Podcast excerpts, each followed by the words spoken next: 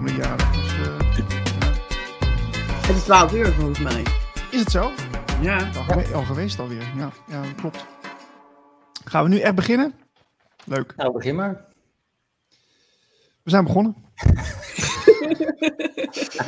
ja, ik kan natuurlijk een hele lange introductie doen. Eh, we hebben Eva van Zeeland te gast vandaag. Daar gaan we uitgebreid mee. Yay! Eva, nogmaals welkom in de show. Yes, dankjewel voor de uitnodiging. En eh, naast mij zit Marlijn van Dobben. Marlijn, eh, jij ook fijn dat je er bent. Ja, ik ben er ook. Eh, moet- zal ik ook een beetje verklappen wat we verder nog gaan doen? Ja, we hebben straks rond een uurtje of één, kwart over één, hebben we iemand van een andere krant. Die gaat iets vertellen over een artikel. Ook heel leuk. En we hebben nog eh, collega Patricia Mensink. Die gaat over haar avonturen vertellen in, tijdens de vakantie. Denk je van, ja, dat is misschien een beetje saai, maar dat is het niet. Dus blijf lekker kijken. Ehm, de donateurs die kunnen lekker meedoen. En eh, ja, ik zou zeggen, stel je vragen als je erin hebt. We zijn begonnen met, eh, met onze show weer, Lunching en Van Dobben. Ehm, we gaan elke week weer live van 12 tot 2. En eh, ja, dat is het eigenlijk. We gaan het hebben over ehm, herinneren wie je zelf bent. Hè? Dat is eigenlijk het onderwerp waar we vandaag gaan behandelen. Hadden we zo een beetje bedacht. Herinneren wie je zelf bent. Wie, wie ben jij eigenlijk, Marlijn? Nou, hoe ouder ik word, hoe eh, meer ik daarachter kom. En dan denk ik altijd, het is jammer dat het zo lang duurt en dat ik dan niet eh, hè, op mijn eh, tiende of twintigste al een beetje, ja, weet wat ik nu weet. Of voel, hè, voel wie ik ben en hoe ik dat nu voel. Dus ja, het, het is een proces. Hmm. Oké. Ja, nou ja, goed. Ik, ik heb soms het idee dat het allemaal een soort van eh, werelden zijn waar je in zit. Dus je hebt, je hebt ehm, in je kindertijd is een bepaalde wereld waar je in zit. En dan word je langzaam groot natuurlijk. Hè? Je, je, puberteit en dan ga je naar volwassenheid. Volwassenheid en dan zie je allemaal in een bepaalde, bepaalde werelden waar je, dan, waar je dan kennis van maakt. En dan, dat, dat reflecteert weer naar jou toe, wie, wie, wie je daarin bent, in die rol. Dus eh, ik zit nou weer in een hele andere rol dan ik eh, zat natuurlijk dan in mijn kindertijd. Maar, het maar ik ben nog wel steeds dezelfde persoon. Maar vroeg je je niet af dan als kind wat je hier kwam doen eh, op aarde? Ja, heel, heel vaak wel, ja. Maar Ik- eh, ik had er geen antwoord op. Ja, nee, ik had precies hetzelfde. Toen ik vier was, zei ik dat ook tegen mijn moeder. Ja, wat doe ik hier als ik toch weer doodga? Wat is de zin van het bestaan? En als er na de dood niks ook is, hè, wat ja, de meeste mensen geloven. Dat kon ik gewoon vier niet was, toen je vier was al. Ja, ja, ja, en ik zag me ook zo rondzweven in zo'n zwart universum in mijn eentje. En toen kwam ik er dus inderdaad, eh, misschien nu alweer twee jaar geleden, achter tijdens een chocobliss-ceremonie, dat ik een bijna doodervaring heb gehad met mijn eigen geboorte. Dus ik heb letterlijk, ja, denk ik, in zo'n universum rondgezweefd op het randje van de dood. Van ja, ga je heen, ga je terug. En, ehm, en die herinnering had ik, dus daarom vroeg ik dat. En dan kon ik ook echt, was ik heel verdrietig om en dan kon ik echt om huilen. En eh, mijn moeder wist niet zo goed wat ze daarmee moest. Maar ik was altijd inderdaad op zoek naar het antwoord. Waar, wie ben ik? Wat ben ik? Kom ik hier doen? Hmm. Ja, ik had altijd wel heel snel het idee van, eh er klopt iets niet. Ik ben hier nou wel, maar ik, eh, ik zit in de verkeerde film of zo. Wat, wat, eh, Ja, oh, dat is wel grappig dat je dat zegt. Vrijdag komt er een talkshow van mij online van Emmanuel Nervo. En hij is een walk-in. Weet jullie wat een walk-in is? Ja, ja, ja. ja, ja. Ja. Dus die, zijn eerste actieve herinnering is dat hij afscheid neemt van zijn ja, collega's. Want ze zouden op missie gaan om de, naar de planeet Aarde om daar te helpen. Dus hij denkt, ik ga in mijn huidige vorm. Hè, ze hadden allemaal een soort pak aan. Wel mensachtig en zo. En eh, ik denk, nou, dan gaan we naar Aarde voor die missie. Dus hij, ehm, hij wist ook wel dat... Ja, hij was nog niet helemaal klaar. Dus hij werd een soort van geduwd. En ging een soort eh, ja, portaal in. En ja, het volgende moment is dat hij dus in een babylichaam zit. En daar nog net zijn collega's zo ziet zwaaien en lachen. En, eh, en hij kan alleen maar denken, ja, maar dit was niet de bedoeling. ik dacht dat ik gewoon in volwassen vorm zou incarneren. En die is gewoon een baby, zit in een bestaande babylichaam. Ja, bizar. Dus uh, ik denk dat meer mensen inderdaad zoiets hebben van, ja, ik wilde best naar aarde, maar dit was niet de bedoeling. Maar walking is er ook, dat kan toch ook? Dat je in een volwassene, zeg maar. Het kan op latere leeftijd ook. Ja, ja, ja, ja. Gebeuren, ja. ja, dus die andere bewustzijn gaat er dan uit. Want dat is een soul contract. ja, dat, die afspraak heb je blijkbaar gemaakt, dat je dat uh, op die manier zou doen. Maar als je daar dan ook nog actief uh, herinneringen aan hebt. Uh, en gelukkig vergeten we denk ik daarom of gelukkig, ja, ik zei ook al tegen Emmanuel, zijn we niet allemaal walk-ins in feite. Hè? Omdat we, onze kindertijd weet je vaak niks van, hè, de eerste vier jaar. Dat, dat ja, maar, maar, ook, maar dat is wel interessant, hè? want als er dan een soort wisseling van de wacht komt, zeg maar, uh, betekent dat dan ook dat die persoon die eerst in het lichaam zit, dan, dan uh, is, is dan de ziel die dan zeg maar weggaat? Of, of is het dan... Ja, het bewustzijn, ja, de ziel, ja. Ja, ja dus uh, we hadden afgelopen zaterdag hadden we de Great Cosmic Show Masterclass de eerste keer. En ehm, daarin heeft hij het hele verhaal natuurlijk verteld. En nu heb ik een drie kwartier intro, wat ik vrijdag laat zien daarvan. Maar hij heeft zoveel kennis en ja, hij, hij weet zoveel, hij heeft zoveel herinneringen. Daar kan je wel drie uur mee praten. Maar ja, bizar verhaal denk ik. dus hij voelde zich ook altijd al anders. En ik heb ook altijd wel anders gevoeld dan andere kinderen. Ik, ik lees, las ook eh, de wereld van Sophie. Ik weet niet of je dat uh, ja, soort kinderboek over filosofie kent. Ik heb het boek nog steeds hier in de kast staan, een heel dik boek. Met eigenlijk alle grote filosofen, hoe zij denken in de vorm van een, ja, een roman, kinderverhaal. En ja, dus altijd wel op zoek naar die antwoorden. Ja, wat ik altijd uh, ja, verbazingwekkend vond, is dat, dat ik ongeveer de enige was die daarmee bezig was. In mijn omgeving. Ik dacht van, hoe kan het nou dat ik dat nou heel erg boeiend vind en de rest zoiets heeft van, nou ja, ik ben dan gewoon op zoek naar een goede baan en dan een, huisje en dan is klaar, toch? Dan is je leven is dan zeg maar ingevuld tot je zestigste of zo. En dan hoef je toch verder niks te zeuren. Ik bedoel, maar dat, dat begreep ik nooit. vond ik zo bijzonder. Ja, ja, dit zijn mensen die zijn dan ja, meer afgesloten en gesloten letterlijk. En die lopen er heel veel rond. En sommigen noemen dat ook fillers of figuranten of mensen die echt gewoon letterlijke kopieën van elkaar zijn. En ehm, ja, hun bewustzijn is echt gewoon helemaal gesloten in feite. Ja, maar ik, ik, vraag me zelf, van ik, ik hoor ook wel eens verhalen over dat er inderdaad, uh, wat je zegt dan, of het zijn, zijn uh, mensen die niet bezield zijn, hoor je ook wel, maar uh, ik vind het toch raar. Ja, ik denk wel dat ze een ziel hebben, maar dat ze zo ver verwijderd zijn daarvan, van dat deel van zichzelf. Ja, dat, dat, precies, dat denk ik ook. Maar ik, dat, want ik kan me niet voorstellen dat, dat, het, dat het echt een soort cyborgs of zo zijn. Dat kan toch niet? Nou, die zullen er misschien ook tussen zitten, maar nee, niet het gros. Nee, ik denk het gros is gewoon verdoofd hè, door voeding, door de, de chemicaliën die we binnenkrijgen, door vaccinaties, door uh, ja, je, je, emoties niet willen voelen. Um, ja, dus daar, daar ben je gewoon afgesloten van je emotionele lichaam, denk ik, en je spirituele lichaam. Want we hebben vier lichamen, hè, fysiek, emotioneel, mentaal uh, en uh, spirituele lichaam. En als je daar niet inderdaad die toegang meer tot hebt, of dat nooit hebt ja, ontwikkeld. Ja. Maar in feite zijn we gehackt. Uh, want je zou, uh, als je opgroeit, want je noemde net ook in je kindertijd dat je andere fases, hè, van 0 tot 7 is zo'n cruciaal moment. Hè, dan zitten we nog een soort van de hypnose ook. En dat zag ik ook letterlijk bij mijn kinderen gebeuren. Hey, ze krijgen in één keer interesse. Wat doe jij eigenlijk, mo moeder, voor je werk? Ja. En als een kind, ja, dat interesseert je eigenlijk niet wat je ouders doen, toch? Dat, daar ben je niet mee bezig. Maar op een gegeven moment gaat dat luikje open en dan heb je inderdaad oog voor de wereld. En en vanaf ja, 12 begint het ook weer wat te verruimen. En zo zouden we, hoorde ik laatst, op 33-jarige leeftijd, zouden we onze volledig geactiveerd moeten zijn. Dus dat we ook al die superpowers zouden hebben, zoals het, ja, dat we telepathisch contact kunnen hebben. En dat we, ja, nou, noem het maar op, wat we... Wat we telekinese. ja, telekinese, wat niet iedereen kan.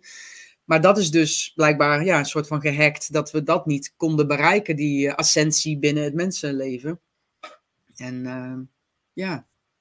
Ja, die hack zit natuurlijk ook. Ja, je hebt natuurlijk ook over al die lichamen. Dat, dat is natuurlijk.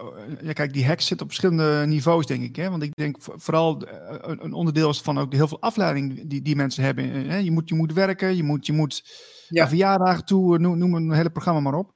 Maar dat, dat geeft jezelf niet de tijd en de rust dus om dat eh, te onderzoeken. Ik denk dat, dat je heel veel dingen zelf kunt leren. Hè. Denk aan uh, telepathie bijvoorbeeld, dat kun je gewoon leren. En, en, en uh, telekinese. Dus er zijn heel veel mensen die dat al hebben beoefend. En ja, de, de grootste hack is misschien ook wel dat, dat je gewoon ja, de hele dag bezig moet zijn met allerlei dingen die je afleiden. Dat, dat vind ik toch best ja, wel, best wel een ding. Dat klopt.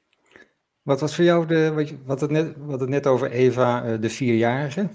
Mm. Wat, wat is voor jou het volgende eikpunt, zeg maar, toen er uh, bij jou weer een luikje open ging? Of, uh, nou, toen ik ondernemer werd, denk ik wel. Ehm, kijk, vroeger dacht ik hè, dat mijn ouders de waarheid spraken, dat de, de man van de NOS, het journaal, um, dat die de waarheid sprak, hè, dat wat in de krant stond de waarheid was. Maar toen werd ik ondernemer en ik, ja, ik, ik, ik heb marketingachtergrond, dus ga ik, hè, ik heb persberichten ga je schrijven. Ik denk, in feite kan je alles in de wereld brengen via een persbericht, uh, wat je wil. Want er wordt gewoon weinig gecheckt, in feite.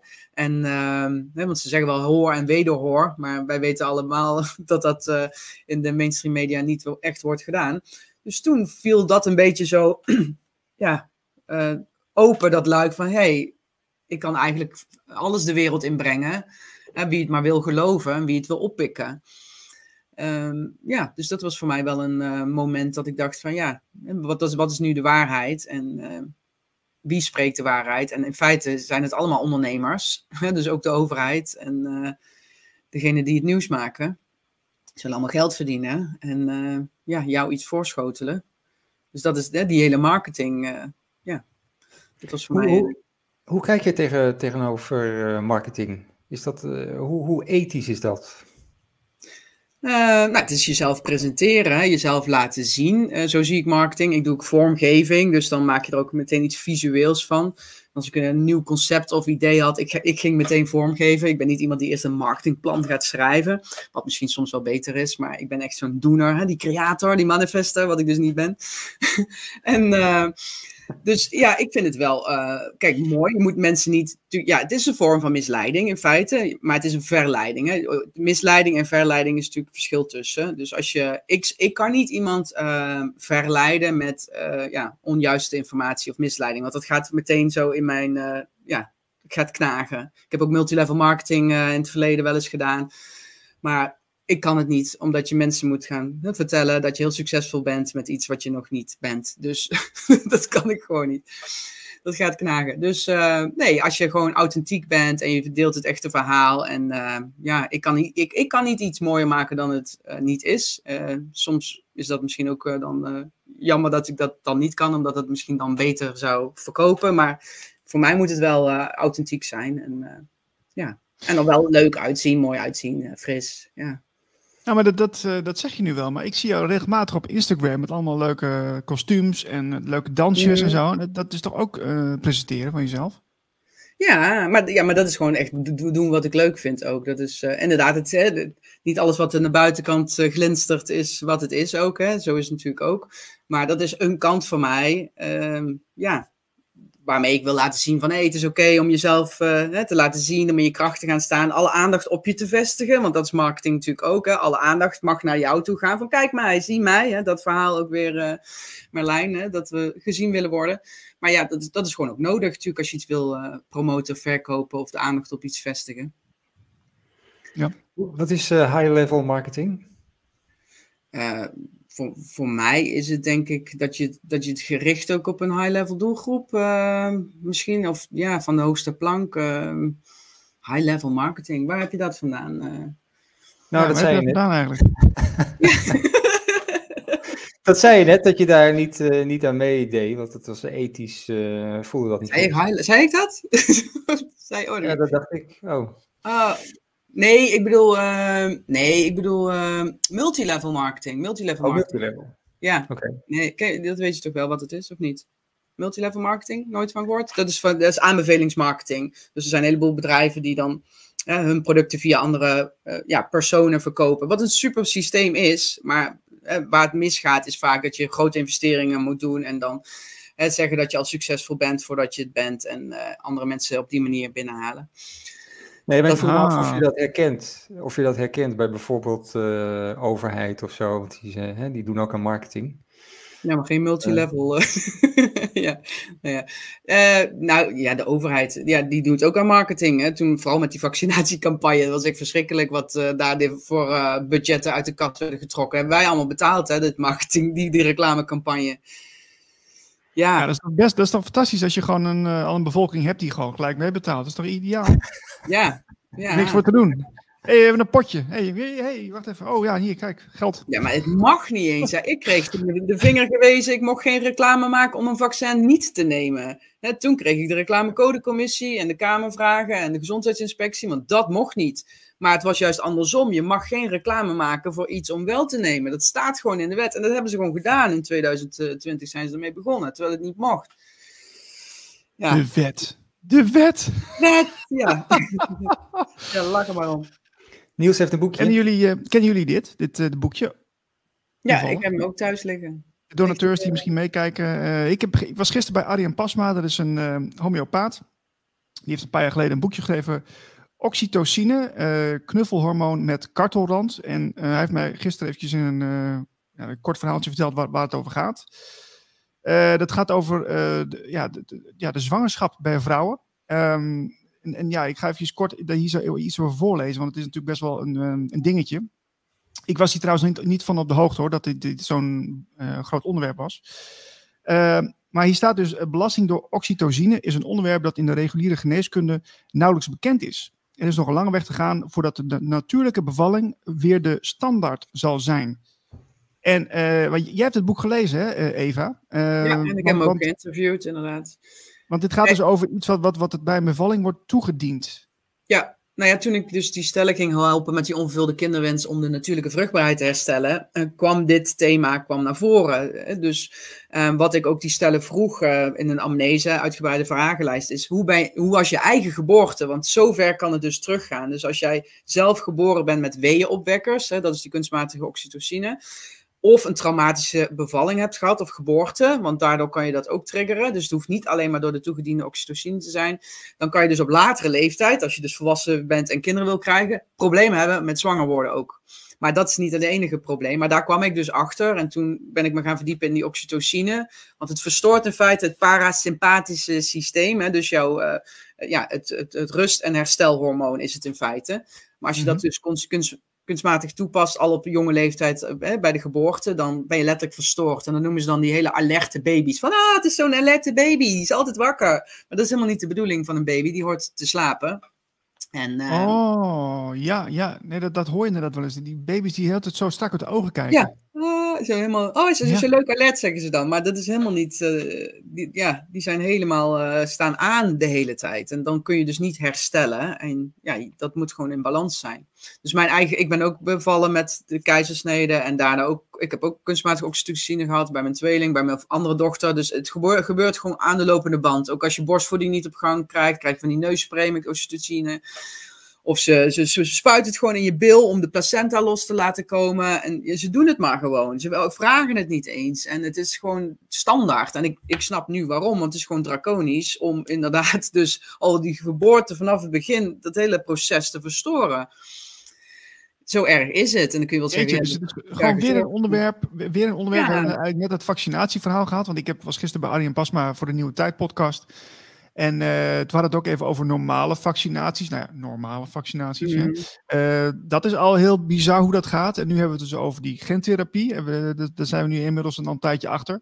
En dan kom ik, mee, kom ik weer met een verhaal over oxytocine uh, bij, bij, bevallingen. En ik van. Dit, ja, maar en de hielprik, wat denk je een... hielprik bij, bij babytjes? Dat, dat, de hielprik moet je ook doen, want dan sporen ze allemaal zeldzame ziektes op. Dus daarmee maken ze je bang, hè, de hielprik. Dus een babytje net geboren, krijgt gewoon zo'n naald in de hiel, maar dit is je aardingspunt. Dus letterlijk. Dus daarmee ja, ontaarden ze je in feite al als je baby bent. Dus dat hoef je ook niet te doen. Ja? Je hoeft je niet te vaccineren, je hoeft niet te de, de, die, die oxytocine, ook die placenta laten uitkloppen, die, die navelstreng, die knippen ze ook liefst meteen door, terwijl er allemaal voedingsstoffen nog in zitten. Dus je moet echt heel erg. Maar meestal gaat het gewoon mis, want ja, als je eenmaal in dat protocol van zo'n ziekenhuis binnenrijdt, dan. Uh, ja, dan, uh, dan moet je heel sterk in je schoenen staan. En dat ben je niet heel erg als je aan het bevallen bent. nee, nee, nee, nee. nee. En laat staan dat je überhaupt geïnformeerd bent daarover. Ook, ja. En je moet lullen als brugman. En uh, ja.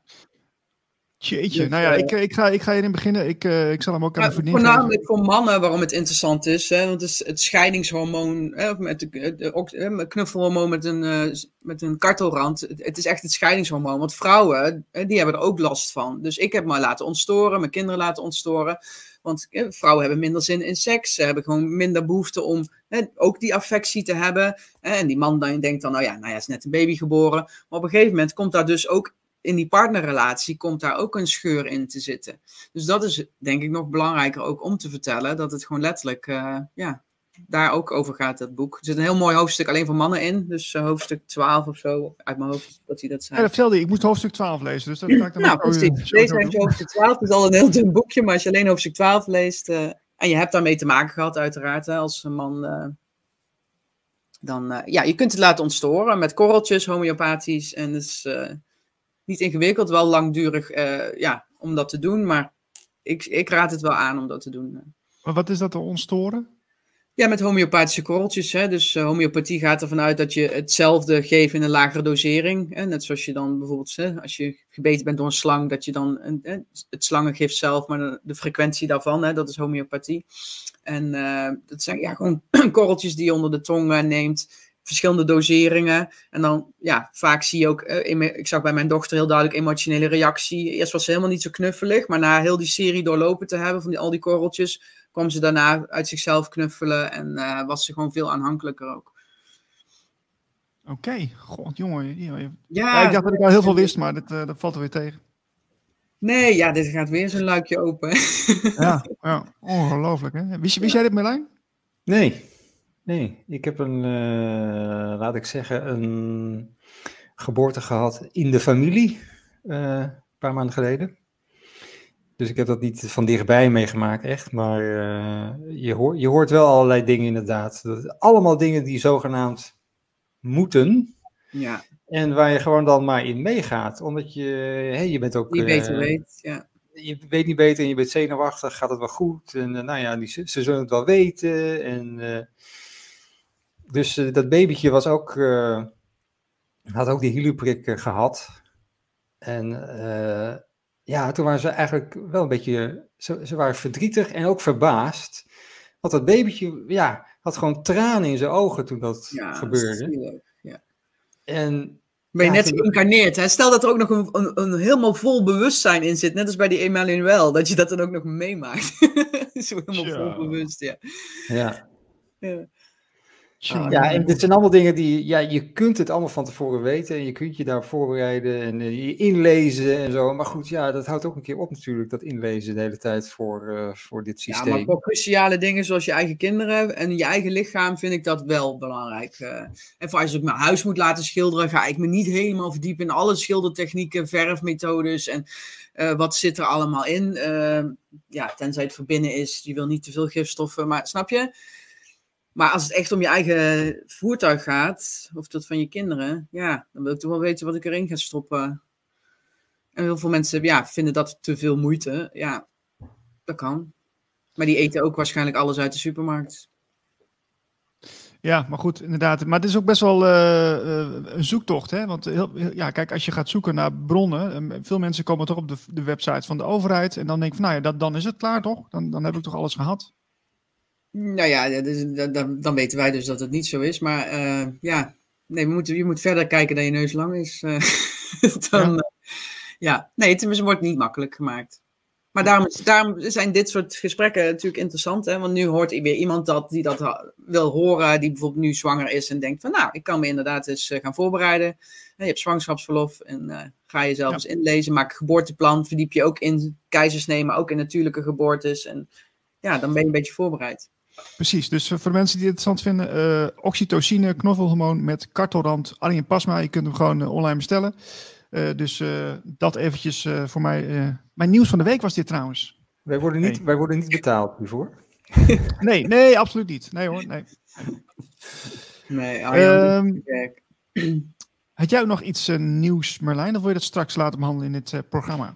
Eh, dat doen we straks wel even. Want ik, ik wil nog wel even. Ja, Eva, jij zei ook iets over verf. Ja, daar zat natuurlijk vroeger ook lood in en zo. Dat was ook allemaal echt niet goed om dan eh, in te ademen. Hmm. Maar zo zijn er tal van dingen die, uh, ja, wat je kan je niet de hele dag inlezen voor al die dingen die, waar je dan aan mee moet doen. Of uh, wat, je, wat je kunt kopen in de winkel, wat, blijkt, uh, wat helemaal niet goed blijkt te zijn, water. En, nou, ik heb wel een mooie video gisteren gezien uh, en daar werd een affirmatie gedeeld. Dat je in feite, hè, dus alles wat je tot je gaat nemen, dat je dat van tevoren eerst uh, ja, gaat reinigen. Een soort van uh, ja, een affirmatie meegeeft, zodat het, alle cellen zich gaan herstructureren. Dat kun je gewoon doen. Dat klinkt misschien gek, maar je kunt, kunt dat doen. Ik heb die affirmatie even voor me hier. deze is in het Engels dan. Ehm, ik zal hem even vertalen. Hè. Dus je, je vraagt of alle atomen van dit, hè, bijvoorbeeld ik heb hier uh, een broodje, weet ik veel, een broodje voor me. Dus ik vraag of alle atomen van, uh, van, van dit uh, voedsel ehm, ja, gedeprogrammeerd worden. Dus dat alle parasieten eruit gaan, alle schadelijke stoffen, alle chemicaliën. Misschien wil je nou, nog wat dingen noemen. Uh, en dan vraag je of uh, alle atomen van dit broodje in harmonie gaan komen met, de, met het gouden tijdperk, waar we dus nu in zitten. En het God zelf, zeggen ze, de God zelf frequency. En dan uh, bless je, je zegent je eten ook nog.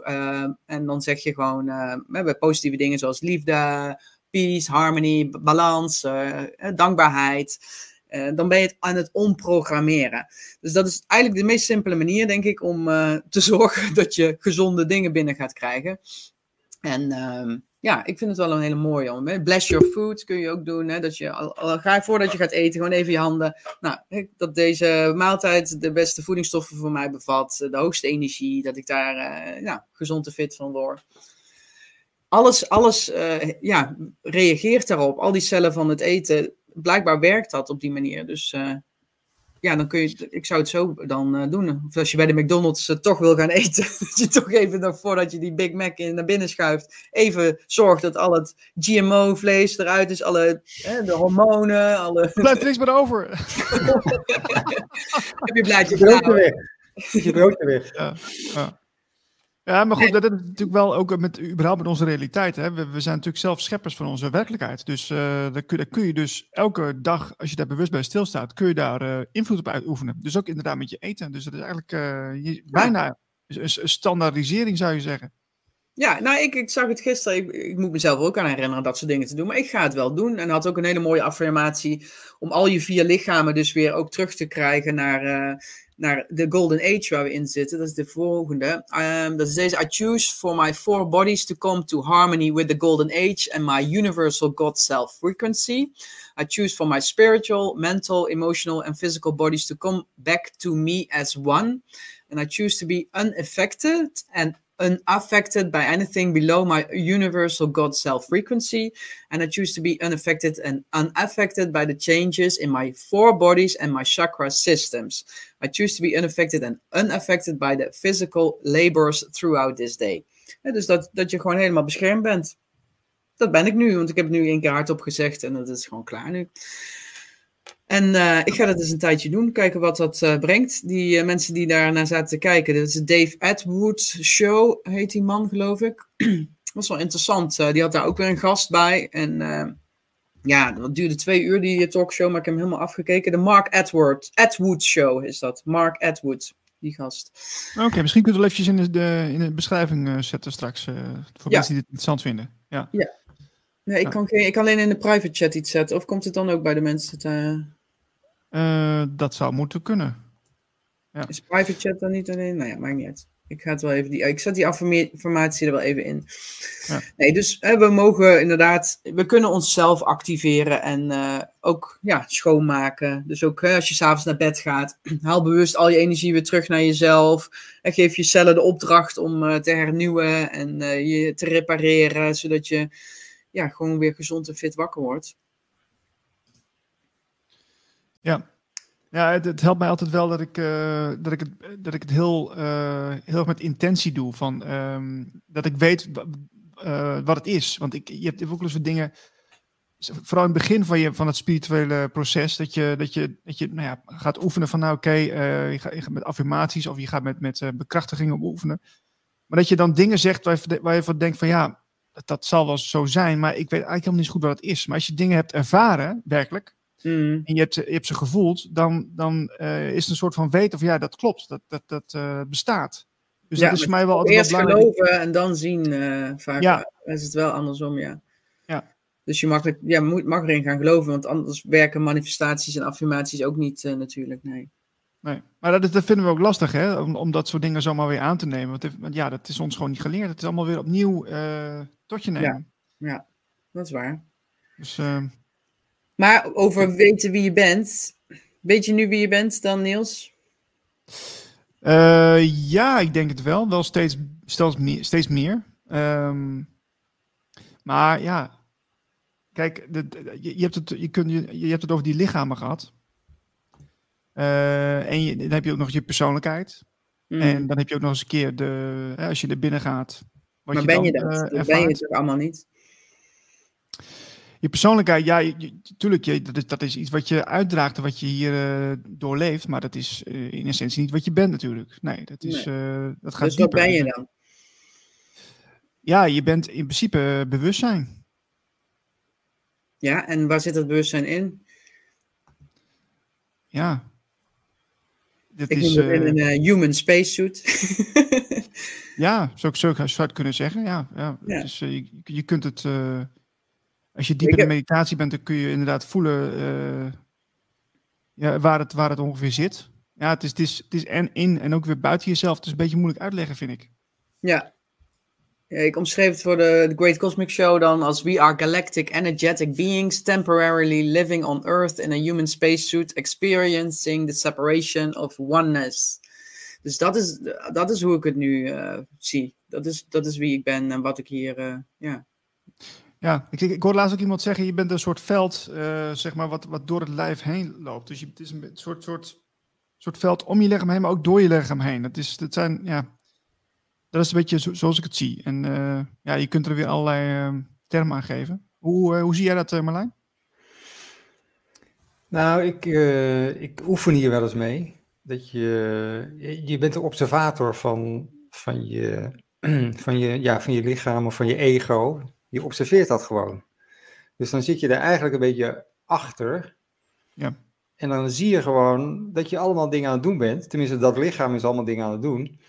Eh, en ja, volgens mij werkt dat lichaam ook op, alleen maar op intentie. Dus je, hebt, je, je geeft een soort intentie aan dat lichaam mee. En dat lichaam gaat allemaal dingen doen. Dus als je zegt van, oké, we gaan nu, eh, we gaan nu koken. Dan eh, staat dat lichaam gewoon op. En die loopt naar de keuken en die gaat gewoon aan de gang. En jij observeert gewoon wat er gebeurt. En jij, jij doet eigenlijk verder niks. Ehm, dus ik weet niet waar je dan zit. Hè, of dat nou je, je ware, ware ziel is, of je ware zelf is. Of dat je alleen maar een soort observatortje speelt, dat weet ik niet. Maar eh, Maar het is wel leuk, hè? Als je dus in een, in een diepe meditatie zit, dan- kun je dus inderdaad, wat jij net zegt, observeren. Dat, eh, je kunt het lichaam observeren en je kunt ook inderdaad die persoonlijkheid observeren. Als je het, eh, als je het zo diep kan gaan. En dan, dan zie je inderdaad het verschil. Dat is dus eigenlijk die, die drie-eenheid, denk ik, waar het over gaat. eh, die, die heb je dan te pakken. Hè, datgene wat jij bent, het lichaam en de persoonlijkheid. Hmm. Maar goed, dat is wat ik ervan weet tot nu toe. Ja. Nou ja, en, ja, voor mij gaf dat het antwoord op mijn vraag waar ik sinds ik vier was eh, op zoek naar te wezen te zijn, is inderdaad, we gaan niet dood. Dood is een illusie. Ehm, maar het, het gaat echt om eh, dat wij hier al eh, gewoon een tijdelijke ervaring hebben en dat wij meerdere levens op eh, andere ja, dimensies of planeten of ja, hebben gehad al. En dat we hier nu zijn. Ja, ik voel echt du- duidelijk, eh, want ik, ik wist ook toen ik acht was van oké, de, de wereld gaat vergaan, die, die, die zal vergaan. Dat hoorde ik ook overal. Ik weet niet, was toen misschien ook zo'n wave. En eh, dat ik dus hier wel ben om eh, nu in de, deze tijd mee te maken. Want we gaan, dat ga ik dus meemaken, het eind van de wereld, zoals die is. Klopt, ja. En dat En, heb ik altijd gevoeld. Heb jij ook, eh, je, je hebt wel eens, van, heb jij ook het idee dat je een, een, duidelijke afkomst hebt, hè? Eh, v- klopt dat of niet? Ja, nou, ik heb zo'n Starseed reading gedaan. Binnenkort ga ik echt die hele volledige hypnose doen van Dolores Cannon. Dus dan ben je een hele dag eh, ga je optrekken met eh, Sandra Akkerman doe ik dat. Zij zit ook in de volgende Great Cosmic Show. En eh, via de Starseed reading eh, Dus trouwens weer via iemand anders uh, kwam ik inderdaad dat ik Andromedan uh, Starseed ben. Maar ik heb ook connectie met de Lyra en de, de leeuw, de katachtige. Um, dus ik denk dat je sowieso met meerdere wel uh, iets kunt, kunt hebben, want je hebt meerdere levens gehad. Ik, ik heb ook wel echt de waterwereld? Atlantis, het zeemerminnen, dat soort trekt me ook heel erg. Dus je weet het niet wat je allemaal uh, kunt geweest zijn. Maar ik denk dat al die versies van mij bestaan nu ook. Hè? Dus uh, in die talkshow van gisteren van Mark Edwards zei die man ook: je kunt ook jouw verder geëvolueerde versie of ja, in andere dimensies. Hè? Dus de Eva die over 20, die in eh, 20 jaar in andere dimensies of in, sowieso in andere parallele universa leeft, kun je vragen om jou te helpen. Om bij jou te komen en jou te genezen. En ja, dus als je er zo naar kijkt, dat ja, jullie twee ook misschien nu ergens anders al een, ja, een taak vervullen die heel ergens anders misschien. daarom voelde ik dat ook. Misschien is dat dus, misschien zend ik ook al uit vanaf de Galactische Federatie met mijn eigen talkshow of programma. Dat ik daarom dit nu ook hier ga doen. En misschien jullie ook wel. Zijn misschien, misschien, misschien zijn, jullie, zijn we sidekicks van elkaar daar. Kan... ja, kunnen, ja. Grappig om over na te denken. Nou ja, we hebben, denk, ik denk wel dat we ongeveer wel dezelfde taak hebben. Anders dan deden we dit niet. Maar, uh, ja. Ik vind het leuk om over na te denken. En uh, ja, wat hij gisteren, ik moet toch weer naar die, die, die talkshow. Hij had het over de arcs are coming. Hè? De, de ark. Uh, de, de, ark van Noah, dacht ik ook. Hoezo? De ark van Noah met hè, de boot als de, als de overstromingen komen. Maar die arcs, dat zijn dus de, de, de, de, de, de UFO's. Hè? Dat het hele luchtruim zal vol gaan hangen met UFO's. En wij krijgen de gelegenheid om in te stappen. Ga jij dan instappen? Ja, dat, dat klinkt mij toch wel een beetje. nee, maar even uh, hypothetisch. Ja, hè? Stel, nou, ik geloof wel dat het gaat gebeuren. Maar Marlijn, zou, zou, jij instappen als je dus die gelegenheid krijgt om mee te gaan? Dan gaan we naar een, een andere, deel, een, andere aarde. Hè? Dat is een, uh, hoe noemden ze het nu? Een parallele ah, aarde. Dus de, die vrij is van de slavernij. En hij lijkt op aarde.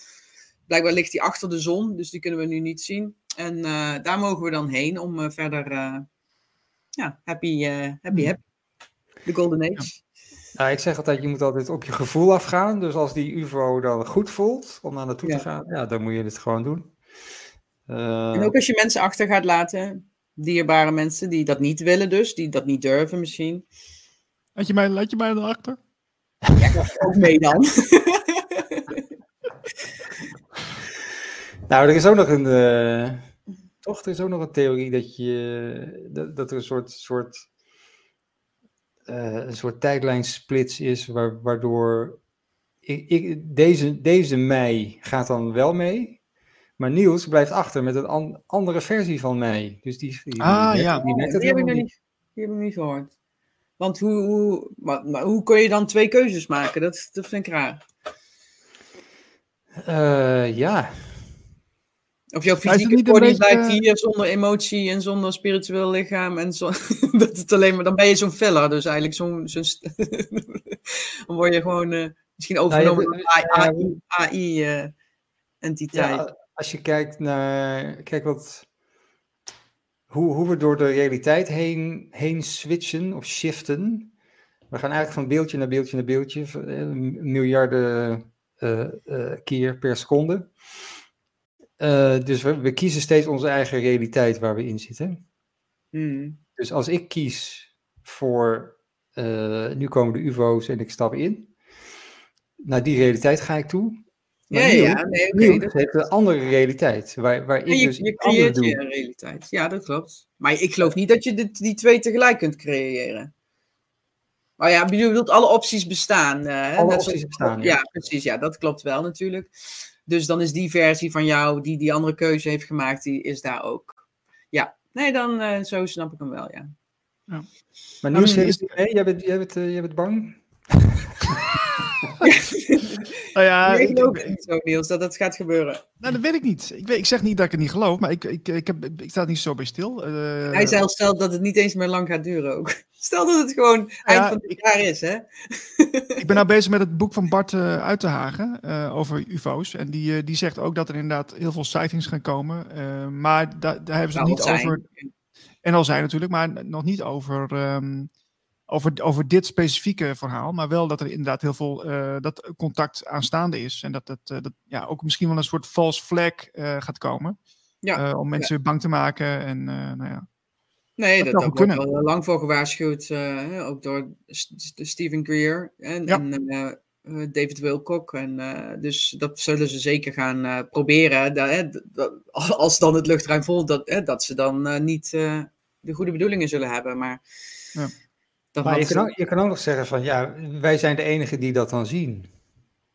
nou ja, ik, dat zei ik dus ook, maar hij zei gisteren, ik dacht ook, oh, omdat wij ons bewustzijn hebben verruimd en al uh, de frequentie verhoogd hebben, dat, dat sommige mensen het niet, letterlijk niet eens kunnen waarnemen. Maar hij zegt, nee, dit wordt een event, dat zal iedereen zien. Iedereen zal dit gaan zien. Ja. Maar het is natuurlijk wel interessant wat jij net zei. Van, uh, misschien ziet, ziet, zien, ja, zien de massa's zien misschien iets anders dan wat wij zien. Dat kan natuurlijk wel, hè? Dat, je, dat, je, dat zij, zij het liefde niet zien. Hè? Dat, die, dat die buiten. Ja, precies. Ja. Dat is de programmering, ja, in feite. Ja, ja. ja. ja. Nee, maar dat is met alles. Hè. Je kunt alles op een andere manier bekijken. Ja, je, ja. dat is met kleuren eigenlijk al. Uh, het, is, ja, het, is, ja, het is maar net inderdaad je perceptie en wat je hebt geleerd. Maar ik kijk er wel naar uit. Mij lijkt het wel een hele bijzondere. Ja, dan gebeurt er eens een keer iets anders, toch? ja, tuurlijk. Ja, dit dat lijkt me sowieso fascinerend. Maar ik wil dan wel eigenlijk, ik wil eigenlijk heen en weer kunnen. Want als er inderdaad mensen niet mee kunnen, ja, nou ze zeggen van je, van je kinderen, dat die automatisch dan toch wel meegaan. Want het is toch wel fijn als je kinderen meegaan. Maar hè, je, je eh, toch heeft iedereen een vrije wil daarin, uh, vrije keuze. Ja, nee, ik, ik zag inderdaad ook een plaatje waarin, uh, dat was, was, op Twitter werd dat gedeeld, en dan moet je altijd maar met, met een kortje zout nemen. Maar dan zag je inderdaad een plaatje van een uh, UFO en dan, ging dan uh, kon iedereen instappen. En had je, dat je een andere planeet aarde, die was, zat dan op 7D. En dan had je de, de, de, ja. de, de planeet van, van, de Terra, dat is waar we nu op zitten, of, dat is dan 5D. En nou, dat zijn keuzes die, die kun je maken. Nou goed. Um, nou, leuk plaatje. Nou, dat wil ik wel ja. zien. Ja, ik kan hem wel even op Twitter opzoeken zo meteen. Dus stuur ik wel even door. Ja, vind ik wel leuk. Ja. Het maar zou zo wel kunnen. Dus wel die positive tijdlijn blijven voeden. Hè? Dus uh, al die mensen die nog steeds praten over uh, de energieprijzen en de regering en uh, de, oh, die spoed-coronawet. en ja, die, dan blijf je dat voeden, die tijdlijn. En we moeten echt naar die andere kant gaan. ja. Voor veel mensen blijft dat gewoon lastig. Ja, klopt. We, moeten het even hebben over relaties en, en dating, denk ik. Oh ja. Oh jee, is het al zo laat? Toch? Ja, laten we doen. Uh, want uh, Eva, jij bent er ook mee bezig, hè? Met, met het koppelen van mensen, met dating sites en zo. Uh, want ik was even benieuwd, hoe werkt het eigenlijk in deze tijd? Want heb je dan niet heel veel mensen die zeggen, ja, ik, ik wil wel graag met iemand daten, ik ben op zoek naar een partner, maar ja, um, het ligt toch een beetje gevoelig als het gaat over vaccineren of kijken naar de wereld, andere percepties. Ja, nou ja, daarom ben ik ook 5D dating toen begonnen. Om, dat was eigenlijk een vriendin die bij mij kwam. Die was net uit haar huwelijk. Ze zei, ja, ik wil wel een bewuste man daten. Hè, die wel een beetje aan zichzelf aan het werken is. En, uh, oh ja, en hij moet ook ongevaccineerd zijn. En uh, ik zei, oh, nou, ik heb nog die software liggen. Ik heb ooit software aangeschaft voor een dating site. Maar toen nog niks mee gedaan. En toen dacht ik, ja, 5D, we gaan naar de vijfde dimensie. 5ddating.com, lijkt me leuk. Die was nog vrij, dus toen heb ik dat gecreëerd. En eigenlijk ook voor lightworkers, star seeds, earth angels, meteen echt een hele, hè, vanuit die marketing, een, doelgroep gekozen die eigenlijk heel specifiek is. je hebt ook bijvoorbeeld nog wakker daten. Ehm, maar ja, dat is meer echt, vind ik gewoon nog ja, dit, dit gaat nog een stuk verder. Dat zijn echt wel mensen die ook met spiritualiteit meer mee bezig zijn. En ook weten wat de vijfde dimensie is, in feite. En sommige mensen zeggen, ja, ik zit daar nog niet. Dat hoeft ook niet. Je hoeft niet in de vijfde dimensie te zitten, want dan ben je fysiek ook niet meer zichtbaar, blijkbaar. Dus dat zullen we ook maar niet doen. En uh, ja, ik heb daar uh, toen ik 14 februari gelanceerd vorig jaar, uh, is er eigenlijk heel snel is, er, is er ook een match ontstaan in Maarten, een Nederlandse jongen ook, die daar zijn bij de Lion Gates portal op 8 augustus zijn liefde vond. En uh, ja, ik heb wel meer mensen al. Ja, die, die stonden erop en eigenlijk meteen hadden ze een match. Ik denk, nou, dat is ook lekker snel. ja. Dat is eigenlijk ook geen verdienmodel natuurlijk. Nee. Maar uh, daar gaat het ook niet alleen om. Het gaat erom dat je inderdaad uh, ja, gelijkgestemde mensen kunt vinden die zien wat jij ziet. En ik heb er nog overwogen, inderdaad, moeten we daar dan zo'n vinkje op zetten? Ben je gevaccineerd of een vakje aankruisen? Ja of nee? Maar met overleg met de mensen die erop zaten, nee, dat willen we niet. Want dan ga je ook weer ja, daarin duwen. We uiteindelijk moet je. Ik ben heel veel mensen ook deze zomer heb ik ontmoet. Ook toen ik in Israël was, hè, wat het hoogst gevaccineerde land is. Ook mannen die gevaccineerd zijn. Of uh, ik heb ook een, uh, bijvoorbeeld een yogaleraar ontmoet die ook uh, de vaccinatie heeft genomen omdat hij anders zijn zoon niet kon zien in het buitenland. En die dat daarna met zijn hele kundalini wel weer heeft weten te overschrijven. Hij zei het was wel heel veel werk, maar ik heb het eruit gekregen.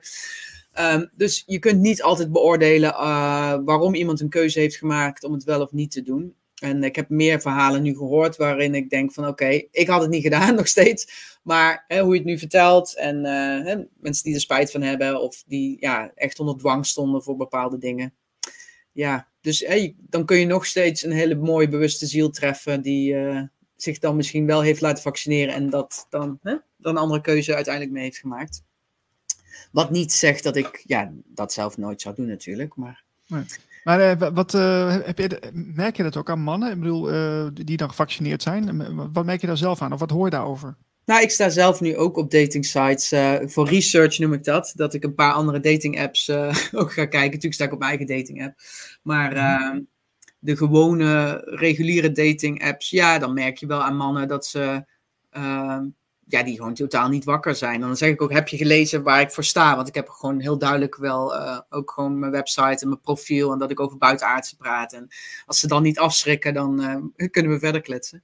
Maar ik heb eigenlijk nog geen date gehad via die apps. Uh, verder komt het vaak niet dan... ja, ik heb nog niet... ik merk ook dat ik niet echt de noodzaak voel nu om ik, eh, het komt wel naar me toe. Hè? Ik ben die projector. Ik wacht op die uitnodiging wel. Uh, ik ga niet zelf op zoek deze keer. Wat, ik, nou, wat, ik, me, wat ik me wel voor, kan voorstellen, en ik heb daar zelf ook wel een beetje eh, het idee van, maar dat is, misschien moeten jullie daar maar even op schieten, maar dat wanneer je dus uh, meer met spiritualiteit bezig gaat, dat je, dat je de behoefte aan een partner wordt minder of zo. Ja, ik heb wel behoefte aan seks natuurlijk. nee, nee, maar een partner inderdaad. Um, als projector slapen wij beter ook alleen, had ik ook nog gelezen. Dus qua energie heb ik heel erg die energie op. Dus dat merk ik dat ik dat wel heel prettig vind, dat ik dat alleen slapen. Maar ja, ik heb wel leuke dingen gedaan deze zomer. En ook wel one-night stands uh, gehad. Dus... Uh, dat kan ik dan ook. Dat zeggen is veel spirituele mensen ook niet. Oh, je moet niet zomaar in iemand anders energieveld gaan zitten. Maar ja, sorry hoor. Als ik gewoon uh, paar biertjes op heb en gezellig heb, dan uh, kan ik dat echt wel uh, op elkaar scheiden. En uh, ja, wil ik ook gewoon lol hebben. Dus, maar voor de lange termijn, inderdaad, wil ik gewoon liefst inderdaad een bewuste, bewuste partner. Iemand die, ja, maar ook weer niet helemaal daarin zit. Het moet echt niet iemand zijn die alleen maar in de yoga zit en continu een veganist is. En dat, dat, ja, het moet wel gewoon nog aard zijn, maar wel bewust en zijn kundalini kunnen activeren. verder, ja, liefst gewoon een rockster daarnaast. ja, dat is volgens mij bij jou wel het meest passend als ik het zo een beetje zie van Ja, gewoon zo'n zo ja. drummer in een band of een zanger. Of, uh, ja, dan ben ik de showgirl. Nou, gezellig. Een paar, paar tattoos erbij, is dat ook goed? Of, uh... Ja, ik heb ze zelf niet, maar dat mag, ja. Dat is geen probleem. Oh, mijn, oh nee, mijn, ja, mijn eh, eerste ex die heeft uh, zijn hele lichaam vol staan, ja. Nee, maar um, bewustwording, ja, en daten, ja, in deze tijd, uh, ik denk als je de juiste plekken vindt, dan zijn er genoeg mogelijkheden om dat nu te doen, zoals via mijn eigen website. En er zijn, ja, leuke, kijk, de demonstraties, hè. afgelopen zondag was er weer een in Amsterdam, daar kom je natuurlijk ook mensen tegen die bewust zijn en als je wilt daten, nou, dat is dus een demonstratie natuurlijk ook een leuke plek. Uh, ja, maar ja, dat is natuurlijk wel in, uh, want we, je hebt het over bewustzijn, mensen die ontwaakt zijn. Ik vind het allemaal van die grote termen die, die eigenlijk niet zo heel veel vertellen, vind ik. Want uh, ja, je kunt zeggen van ja, de regering is corrupt, maar ben je dan bewust? Nee, nou ja, dat is een, een verschillende lagen inderdaad. Maar dat is de eerste stap hè, waar je doorheen gaat. Ik was ook eerst daar, te, begin 2020, toen ik op Malieveld stond en daarna ga je inderdaad het innerlijk werk doen. En uh, heb je wel eens mensen die jou een berichtje sturen: Eva, het heeft geen zin wat je doet. Uh, ik was daar oh. eerst ook. Het is tijd om naar binnen te gaan. We moeten de positive tijdlijn voeden. Maar dan moet je echt zelf doorheen en dat zelf ervaren en zelf die keuze maken. Dus dat klopt, ja. Hoeveel uh, conditionering zit nog op het, niet op het daten, maar op eh, het plaatje van een relatie en waar, hoe, hoe dat eruit ziet. Ja. Nou, ik denk in de jeugd. Ik heb heel veel boeken daar ook over gelezen. Over monogamie en uh, of monogama, drama. heb ik ook zo'n boek hier liggen. Goed hè? Ja, ja, maar ik geloof ook niet in monogamie op die manier. Uh, uh, of het traditionele huwelijk, want dat is natuurlijk ons ook opgelegd. Uh, het, het, trouwen en op, het traditionele, hoe dat... Uh, controle, nu... hè? Controle. Ja, in feite wel. En kijk, en wat is... Wat, kijk, je bent niet het bezit, je bezit niet een ander persoon. Ehm, dus ik ben ook geen bezit van als ik in, in een relatie zit. Maar ik ben wel iemand die gewoon... oh, gaat mijn microfoon. Trouw en loyaal is, maar ik als je samen leuke dingen wil doen, dan kun je dat wel samen doen. Uh, ja, als je begrijpt wat ik bedoel. Dus ik, heb, mhm. ik stimuleer geen vreemdgaan. Dus al die websites als uh, Second Love en uh, ja, dat, dat is niet iets uh, wat ik zeker promoot. Maar je kunt wel samen op ontdekking gaan en kijken van oké, wat, wat, is, wat is er dan mogelijk om je huwelijk interessant en gezellig en spannend te houden. daarin kun je wel samen dingen ondernemen. Ja. Ja, en, en steeds meer jonge mensen die staan open voor uh, een relatie met drie personen bijvoorbeeld. Of uh, ja. Oh, we zien dat het uh, ook veel voorkwam. Drie personen? Ja, met drie personen. Okay. Ja, je kunt gewoon, misschien ga ik dat ook wel doen. Twee mannen kan ook. Of een vrouw en een man. ja. ja. Het is wel ingewikkeld als je ook gaat samenwonen en zo. En, en je moet afspraken maken. Maar ja, het hoeft allemaal niet zo traditioneel te zijn, toch? Nee, maar goed, dan moeten we natuurlijk wel. Uh, dat zijn van die heilige huisjes die je dan moet loslaten. En uh, dan moet je, moet je ja, door andere mensen ja, daarvan denken. Ja. ja. ook dat nog eens een keer inderdaad. Dat vinden we vaak nog wel vervelend en confronterend. Hoe ga je het uitleggen aan je ouders? Hè? Moeilijk. Ja. ja. Hoe, uh, hoe denk jij dat, Marlijn? Kun je dat, kan het best met z'n drieën of met z'n vieren een relatie? Nou, dat lijkt me heel erg druk. ja, niet voor mij. Maar, uh... Ben je in een relatie nu, uh, Marlijn? Nee, nee. Maar ik ben, ik ben daar in vorige relaties, uh, liep ik daar wel tegenaan. Omdat ik dacht van, ja, oké, we, we vinden elkaar leuk en we, nou ja, we hebben iets. Ehm, laten we nu gaan kijken wat er voor ons werkt of zo. Maar je, je loopt eigenlijk meteen tegen allemaal beelden aan van waar de relatie aan moet voldoen en waar we naartoe gaan. En, uh, en dat, dat is eigenlijk allemaal onuitgesproken voordat je dat bespreekbaar maakt. En dan is er eigenlijk ook niet over te praten. Oké. Want dan, kom je, ja, dan kom je bij ja, eh, een soort overtuiging van ja, uh, de relatie moet zo zijn en we moeten dit doen. En, Hè, er moet wel getrouwd worden op een gegeven moment en samenwonen en kinderen. En uh, ja, nou ja, dat moeten we nog maar zien natuurlijk. Hè? Hoezo, hoezo? Hoezo is dat een soort van ingebakken? Ja. Maar was het dan gelijk conflict uh, bij jou? Nou, conflict, maar uh, de, ik, ja, ik merkte wel dat ik daardoor... Benauwde? Dat ik de, ze triggerde daarmee als ik mm. daarover begon, ja. Oh, jij wilde het wel dan? Of? Nee, ik sta, ik, ik sta er niet negatief tegenover, maar ook niet positief. Dus ja, het is meer, het is meer hoe het zich ontvouwt. Ja. En als het, als blijkt dat we helemaal niet samen moeten, moeten wonen, want dat, dat werkt niet voor ons, ja, dan, dan niet.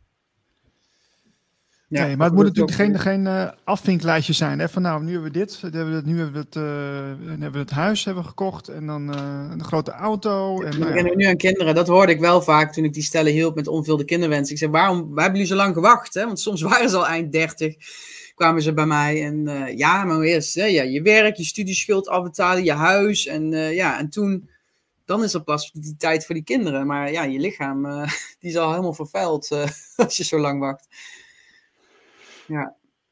Nee, maar relaties, het is, uh, ja, het, is een nieuwe manier, denk ik, daar waar we ook naar mogen gaan kijken. Uh, hoe, hoe we daarmee omgaan. En inderdaad, het is voordeliger om samen te wonen. Maar ja, ik zou het liefst gewoon ook mijn eigen plek behouden. Omdat uh, het ja, ook fijn is dat je je kunt terugtrekken. En dat maakt het ook leuk. Sommige culturen zien elkaar alleen maar na acht uur s avonds, als de, de afwas is gedaan, de vuilnis is buiten gezet. En dan komen ze bij elkaar, die stelletjes. En dan heb je het ook gewoon leuk met elkaar. Want dan heb je niet die sores van uh, de alle dag. Ja. Ja, je kunt er ook afspraken over maken. Hè? Uh, dus dat je zegt van, nou ja, goed, we, overdag doen we ons ding. En je hoeft niet per se ja. de dag bij elkaar thuis te zijn. En dan, dan heb je gewoon leuke dingen, die, die blijven dan over. Precies, ja. Uh, kan ook nog. kinderen natuurlijk iets lastiger als je ook dan kinderen samen hebt. Maar ja, die kun je dan ook in co-ouderschap bij wijze van spreken doen. Ook al ben je gewoon getrouwd. Dat kan natuurlijk ook. Of niet. Ja. Ja.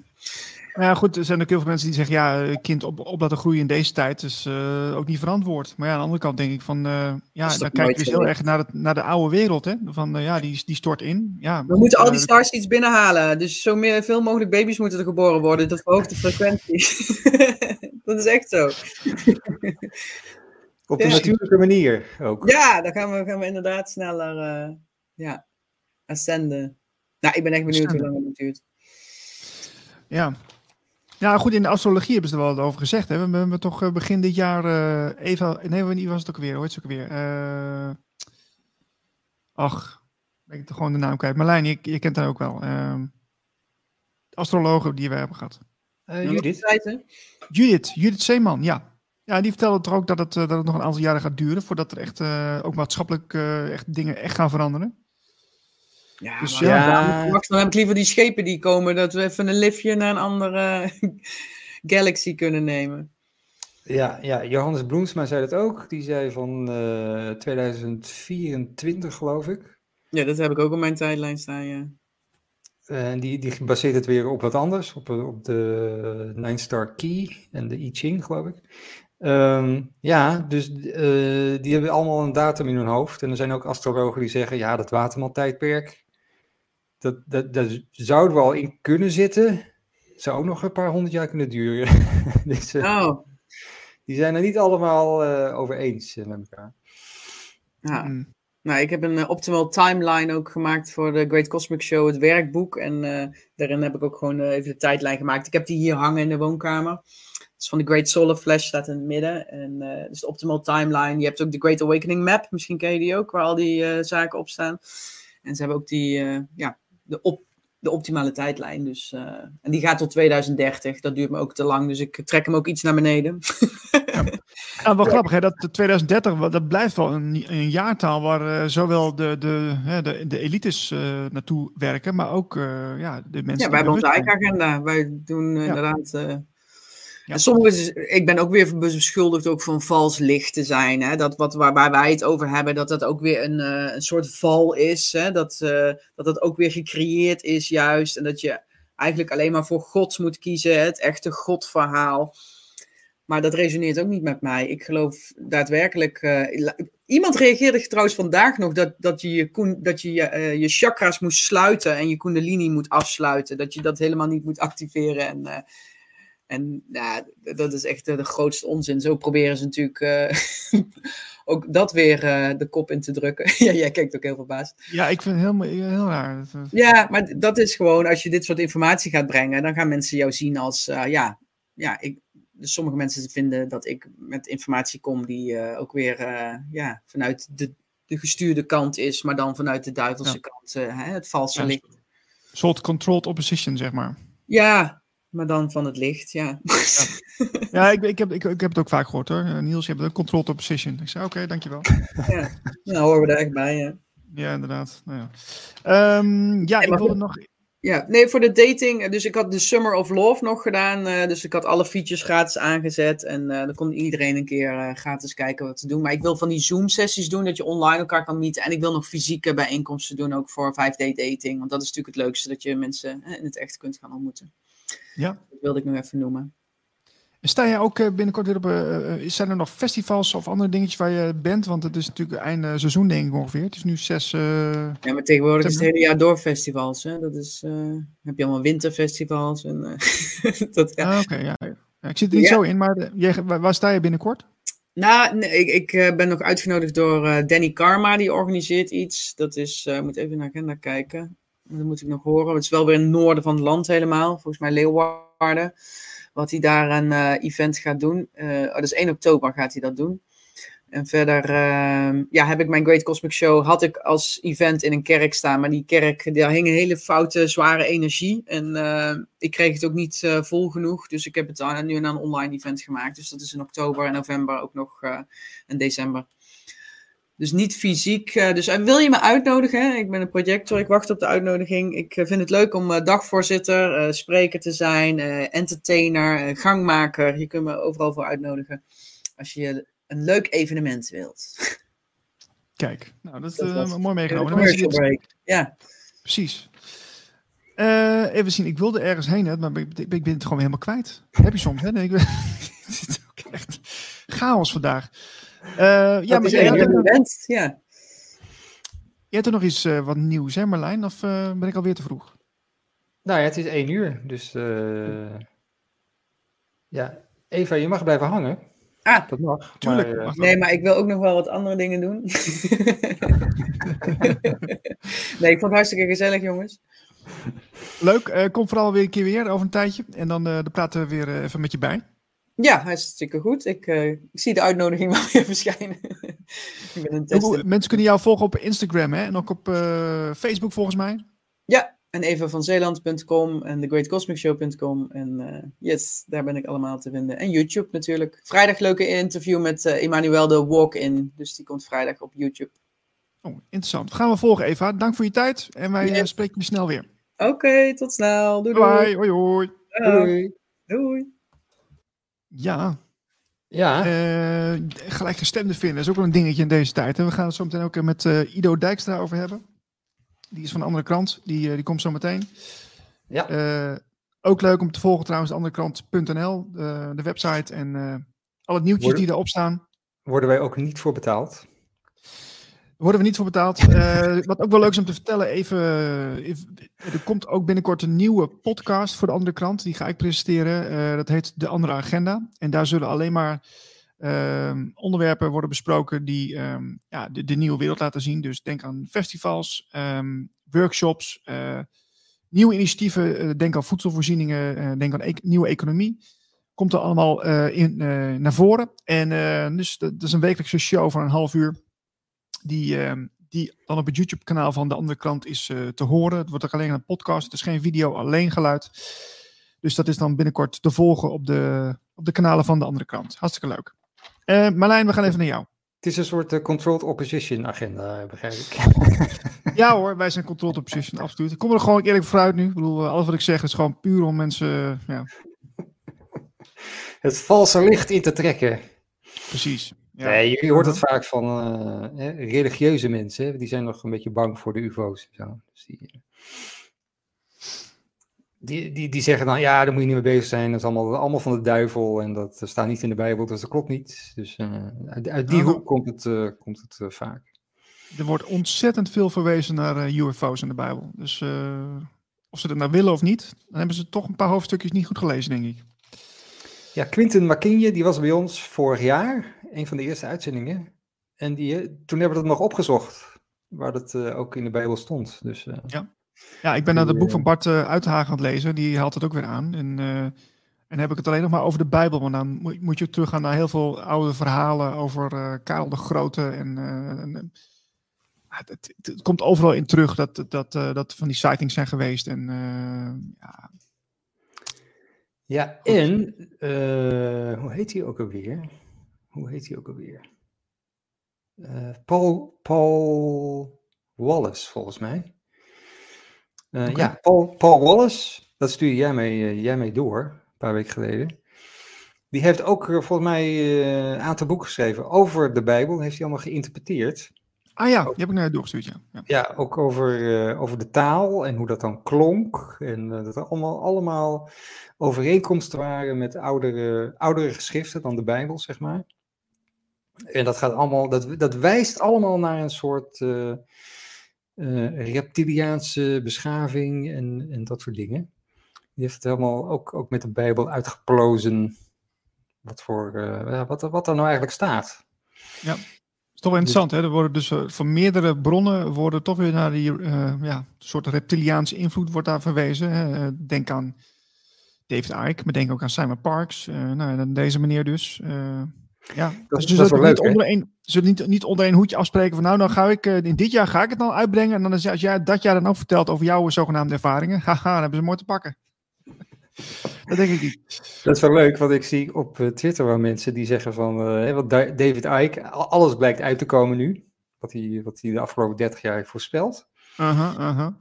En mensen beginnen toch een beetje te, te zien van, ja, dat is wel zo. Hij, hij, hij blijkt toch, maar hij had het ook over reptielen. En dat is natuurlijk allemaal onzin. Dus, we, dus eh, ja. Maar de rest is allemaal inderdaad, ja, het lijkt wel op dat het waar is. Dus er, er komt wel een beetje een omslag. Er komt een beetje een imago-omslag met eh, David Icke. Ja, Ehm, ja, ik had, eh, ik had iets over, over donkere energie gesproken. Dit is een heel leuk eh, bericht, artikel van eh Gaia Logie. Ik zal het even eh, erbij pakken. Ehm, de slang van Schörnding heet het. En dit is de website van Dick van der Dol. Dus daar is het van. 150 jaar geleden vond in het kleine grensdorpje een grote dorpsbrand plaats in, 19, of in 1873. Kerk en belendende gebouwen vielen ten prooi aan de vuurdood. In het Fichtelgebergte waren dergelijke dorpsbranden geen zeldzaamheid, daar de huizen in centra dicht opeen stonden en deels nog houten dakbedekking kenden en vakwerkwanden. En eh, Dick zegt eh, vanmorgen, woensdag 31 augustus 2022, vroeg in, de, vroeg in de nanacht, kwam de vraag in me op, waarom was hier in 1873 een dorpsbrand brand, waar mijn boerderij van gespaard bleef? Bij een analyse kwam naar voren en dat is, dat is waarschijnlijk dan in zijn meditatie eh, gebeurd, dat hij daar eh, naar heeft gekeken. Dat de brand een manifestatie was van oude vernietigingskrachten. Naast het simpele feit van de loop der dingen van komen en gaan. Het oude dorpscentrum ligt ingesloten tussen twee waterstromen. De bredere stroom de Roslau en de smallere de Menslo, gevoed door de Steinberg. Op de dorpsverhoging zie ik een hele oude, grote, demonische kracht. Aalachtig, met een grote open bek, dat onderaards leeft in een demonisch nest in de astraliteit. Op bepaalde momenten manifesteert het zich in de middenwereld als een vernietigende kracht. Nu herken ik haar doorwerking in de daar wonende bevolking. En elk huis teisterde. Gisteren werd me het nog eens duidelijk door een welriekende rioolput naast de kerk. Voor mij uitdrukkingen van een doorwerkende astraliteit. En toen dacht hij, laat ik eens in gesprek gaan met deze demon. De ware aard is echter een oerslang die negatief is geworden. Zo circa 4000 voor Christus. Ik zie een grote stam uit het westen hier naartoe trekken en stilhouden voor de markante, wigvormige verhoging tussen de, tussen de twee stromen. Daar lag het nest en territorium van de oerslang van Schörnding. Daar mag je niet komen. Deze stam probeerde haar te temmen, omdat ze zich hier wilde vestigen op deze strategische plek in het Stromendal. Hun magie maakte de slang giftig en het werd een demonische kracht. Sindsdien is het nooit meer beter geworden en leeft de boosgemaakte, vervloekte, giftige slang rond zijn nest en beïnvloedt permanent de astraal vatbare bevolking. Volkeren komen en gaan en de slang werd donkerder en donkerder. Recent nog in de Tweede Wereldoorlog. Door de nazistische rituelen en de dorpsbrand na afloop van de Franse-Duitse oorlog 1870-1871. Laat ik eens in gesprek gaan met deze gedemonificeerde natuurkracht. En toen zei hij, die oerslang, noem me de slang van Schörnding. Ik ben de oude waterslang van het dorp, die gehoord wil worden. Jij hebt me ontmaskerd. Luister, laat me, leef, heb liefde nodig. Niemand heeft me lief gehad. Men wilde me altijd doden en temmen. De bevolking werd steeds gegrepen door deze collectieve, onbewuste, negatief geworden kracht met een laag bewustzijn en een vastzittende water-ether-kwaliteit. Vooral de hier levende gevoelsmensen zijn vatbaar voor deze tegenkracht. Interessant is dan in de christelijke traditie dergelijke oerkrachten werden, dat, dat die werden bestreden, voorgesteld als een ridder met een lans of zwaard de demon dood. Dus de, eh, in heel veel van die afbeeldingen zie je inderdaad uh, heel bekend, zo'n ridder met zo'n uh, ja, draakachtige. Ja. Helaas vaak niet realiserend dat het een natuurlijke oerkracht is. Maar die is door mensen negatief gemaakt. En vooral geen doden of bestrijding nodig heeft, omdat dat al duizenden jaren de immer onbewuste mens doet. Het dient namelijk juist geëerd en geliefd te worden. Aha. Goh, wat, hoe kom je aan het verhaal? Dat is een mooi verhaal, zeg. Uh, geologie. Even kijken. Geologie.blogspot.com.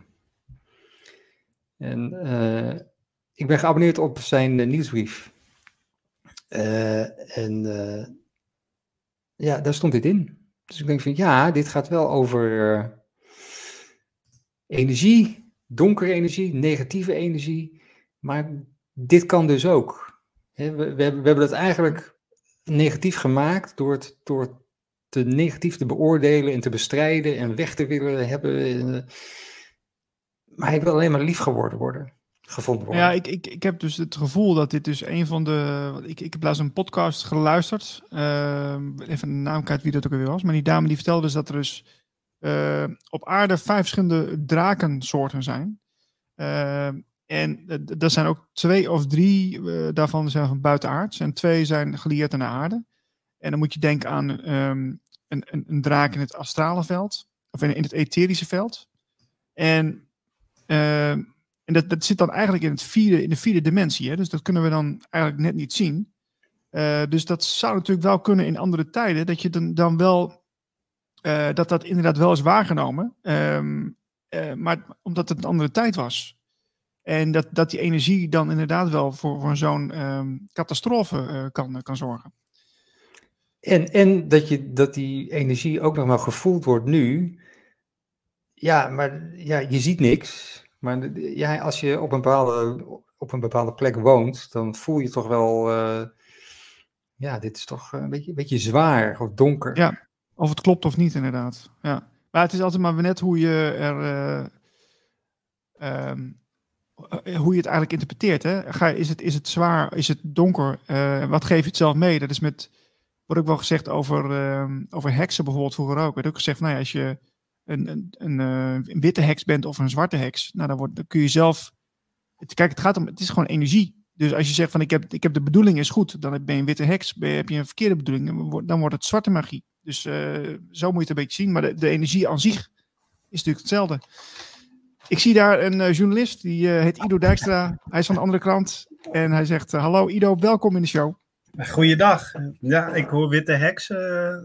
jullie hebben het gewoon over mij, terwijl ik Oh, is dat zo? Uh, nee hoor, nee.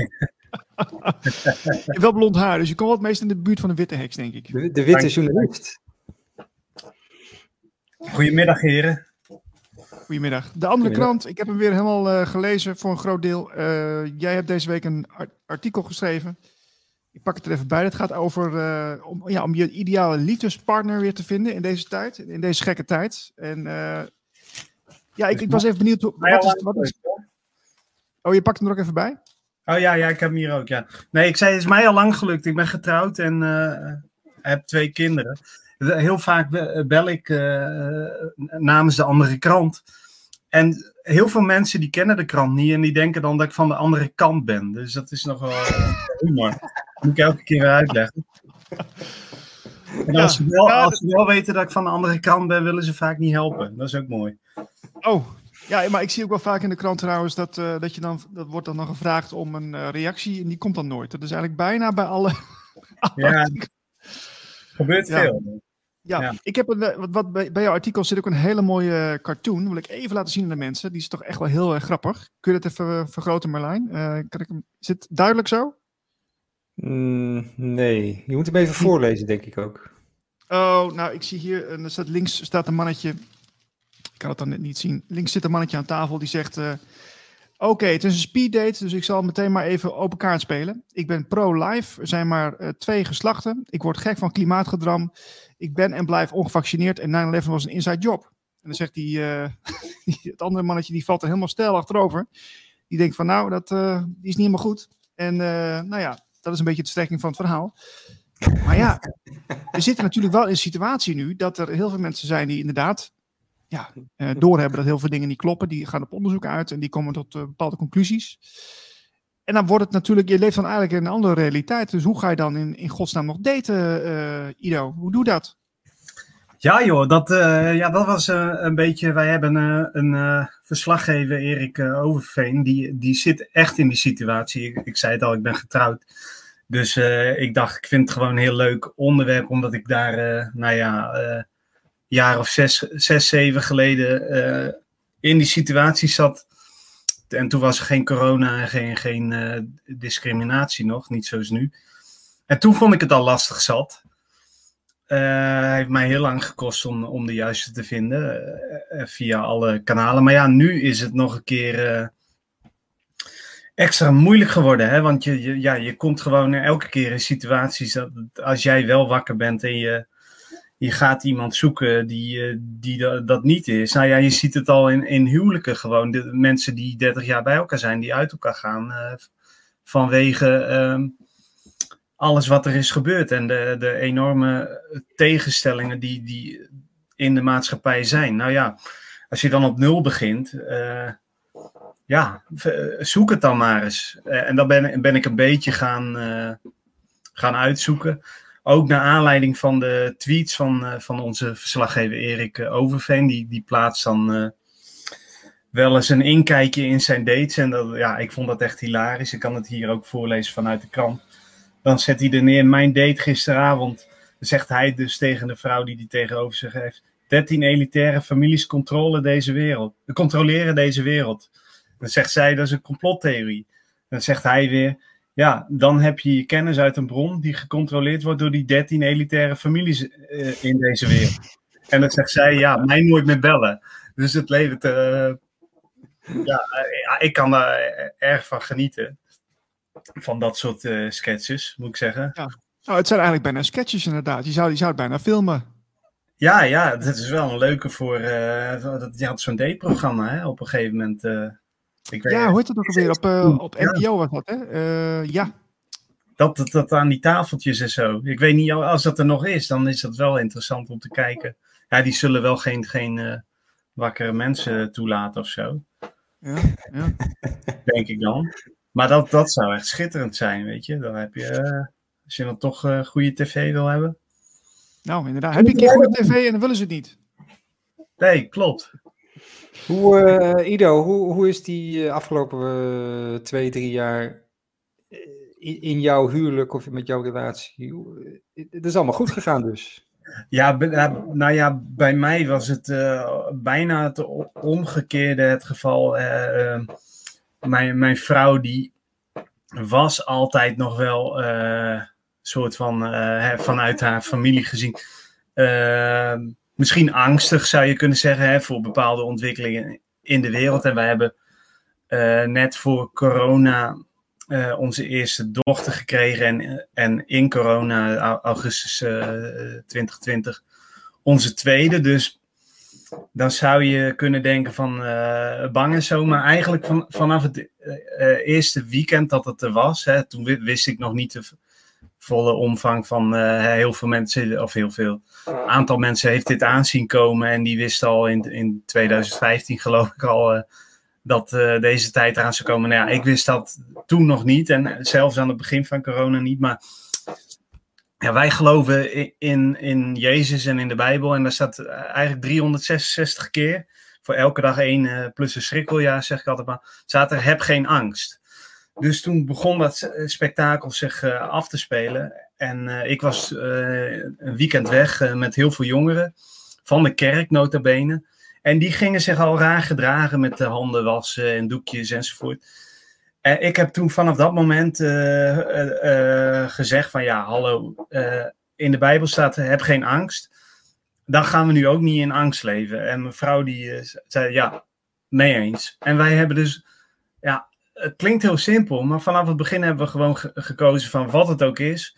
We gaan niet eh, bang lopen doen, want eh, dat slaat nergens op. Dan ga je, doe je in tegenstelling tot wat je eigenlijk gelooft. Dus eh, dat is ons uitgangspunt geweest. En het werd steeds gekker. Hè, op mijn werk had ik een chef, die was eerst heel laconiek.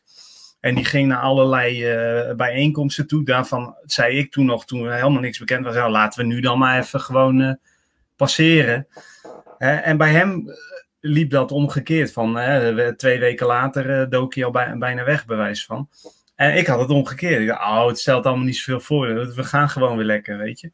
En dat, ja, die werelden die zijn zo ver uit elkaar gelopen. Maar bij mijn vrouw en ik, dat was je vraag, is dat op, een- op één lijn gebleven. En we, eh, hè, vooral toen die mondkapjes eh, de, eh, de kwamen, toen was er nog wel zoiets van, ja, wil, ik dat, dat ik daar die supermarkt binnenloop en, en de enige ben die dat niet heeft. Maar ik heb van, ook toen vanaf daarheen gezegd, gewoon erheen gaan, één keer doen, over je angst heen en dan ben je er vanaf. En dat is ook wel gebleken.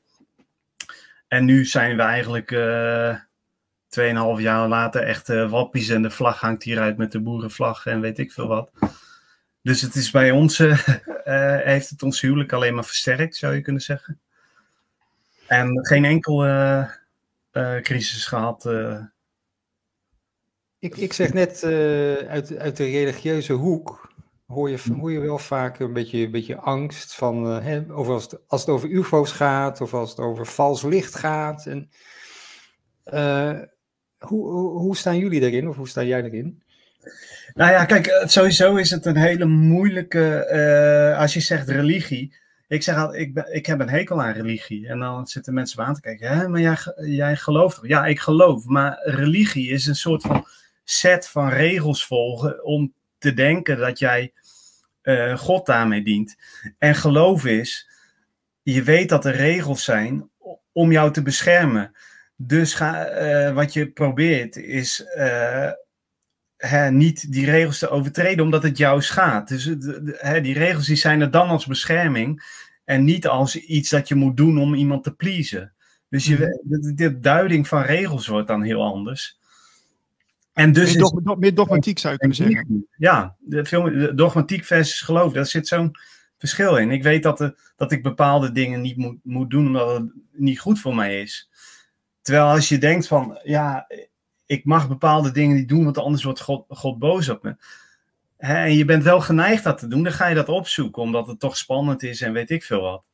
Dus ik sta daar gewoon eh, vanuit mijn geloof heel anders in, weet je. Ik weet gewoon, ja, ga niet met andere vrouwen flirten, ook al eh, heb vroeger wel gedaan, is dat een soort spannend enzovoort. Maar ik weet dat dat uiteindelijk een ondermijning van, van mijn huwelijk is en uiteindelijk dus ook eh, van mezelf. Dus ik, hè, sinds ik dat in ben gezien, heb ik ook helemaal niet meer de- de- het verlangen om dat, dat op te zoeken of zo. Want het leidt toch naar niks. En, en als je dat inziet, dan vind je het ook al niet, niet meer spannend, weet je. Beetje zoals hier in Nederland eh, kun je op elke hoek van de straat eh, een joint eh, kopen. Ja, weet je, dan, dan wordt het ook minder interessant. Terwijl iedereen hier naar Nederland vliegt om, om dat te kunnen doen. Dus Ja. ik hoop dat die vergelijking ergens op slaat. Maar, Maar ik, ik wil toch even Ja, ja. met jou verder naar dat artikel, want eh, die eh, Erik Overveen die is dus eh, druk bezig met het daten. Eh, wat, wat, eh, wat, wat is daar jou in opgevallen met, met, zijn, eh, met zijn bezigheden? Eh, ja, nee, hij, hij eh, vindt het ook gewoon eh, volgens mij wel leuk om, eh, om het zo een beetje eh, eh, op, op spits te drijven misschien. Of ik weet niet. Hij, hij, is ook, hij doet niet moeilijk over dat het misloopt. En eh, volgens mij zit hij wel... eh, eh, is zijn ego eh, groot genoeg om, om, om een blauwtje te kunnen, kunnen lopen. Dus, en dat zegt hij in het artikel ook eh, al, wel. Ik ben niet wanhopig en... eh, weet je, als het niet lukt, dan lukt het niet. Dan ga ik op naar de volgende. Dus ik, ik herken me, mezelf wel in die tactiek van ja, ze nemen me maar zoals ik ben en anders is het toch niet de juiste. Ga je dat anders naar gedragen, dan krijg je dus ook, eh, misschien in het begin krijg je iemand, maar na verloop van tijd kun je toch je ware karakter niet eh, verbergen. En loop, dan loop je later tegen die problemen op. Je kan het maar beter in het begin hebben gehad, weet je. Maar goed, eh, je, je kunt het ook zien. eh, deze tijd zou je kunnen zien als een, als een, als een ideale testcase hè, voor een relatie. Want eh, ja, dit- kijk, in, in het begin van die coronatijd zijn er heel veel relaties, maar ook veel vriendschappen zijn er kapot gegaan. Of die, die zijn verloren gegaan. Maar dat heeft dus te maken met, met, met, eigenlijk met de normen en waarden, met, met je, eigen, ehm, ja, eigen geloof in hoe, wat de werkelijkheid is, wat de wereld is, hoe die werkt. En als die, als die niet gelijk lopen, dan, eh, ja, dan is, er, is de fundatie, zeg maar, voor, voor, voor zoiets, is gewoon weg. Dus dat is natuurlijk wel heel interessant. Van, waar we altijd dachten van, hé, hey, we hebben volgens mij iets gemeen. Valt dan ineens, huppakee, helemaal onder je voeten vandaan. Dat is toch wel bijzonder.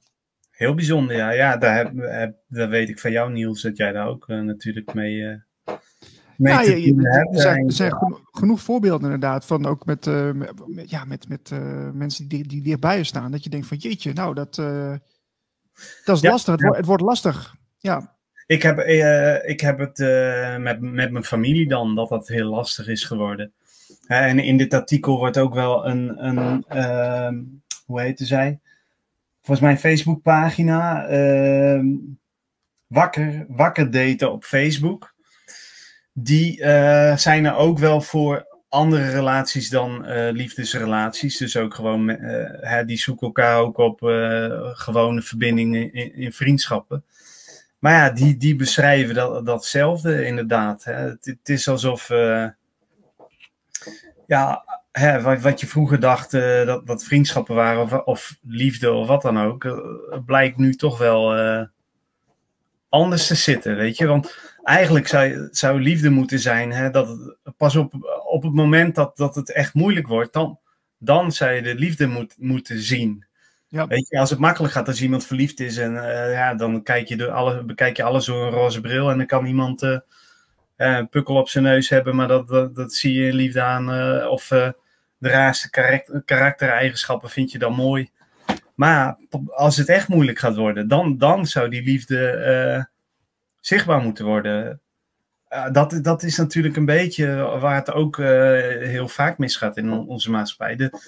Wat is nou eigenlijk de definitie van liefde dan? Hè? En, en als, je dat, als je dan kijkt naar eh, wat de wereld je probeert wijs te maken, of Hollywoodfilms, ja, dan is het een soort van kriebelend gevoel in je buik. en je kijkt iemand aan en dan is het er een soort van kauwgomballenliefde. Maar ja, de- wat als die smaak van die kauwgombal eh, weg is, weet je? Is, dat, is de liefde er dan niet meer? We weten allemaal dat die smaak eh, verdwijnt. We weten ook allemaal dat het kriebel- kriebelende gevoel in je buik er niet altijd is. Dus is dat dan de definitie van liefde? Of zit, Ja.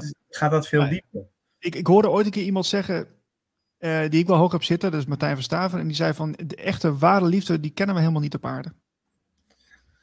Ja, ik geloof dus dat we die wel hebben gekend in Christus.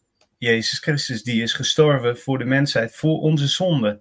Dus wat hij heeft gedaan, is, eh, dat is echt ongelooflijk. Hij, voor alles wat wij fout hebben gedaan, onze eh, stelen, liegen, bedriegen, eh, overspel, is het niet alleen letterlijk overspel, dan wel in ons hart. Al die dingen heeft hij op zich genomen en gestorven voor ons. Terwijl we eigenlijk gewoon miserabele personen zijn. Ja, dat, dat eh, heeft deze wereld gezien.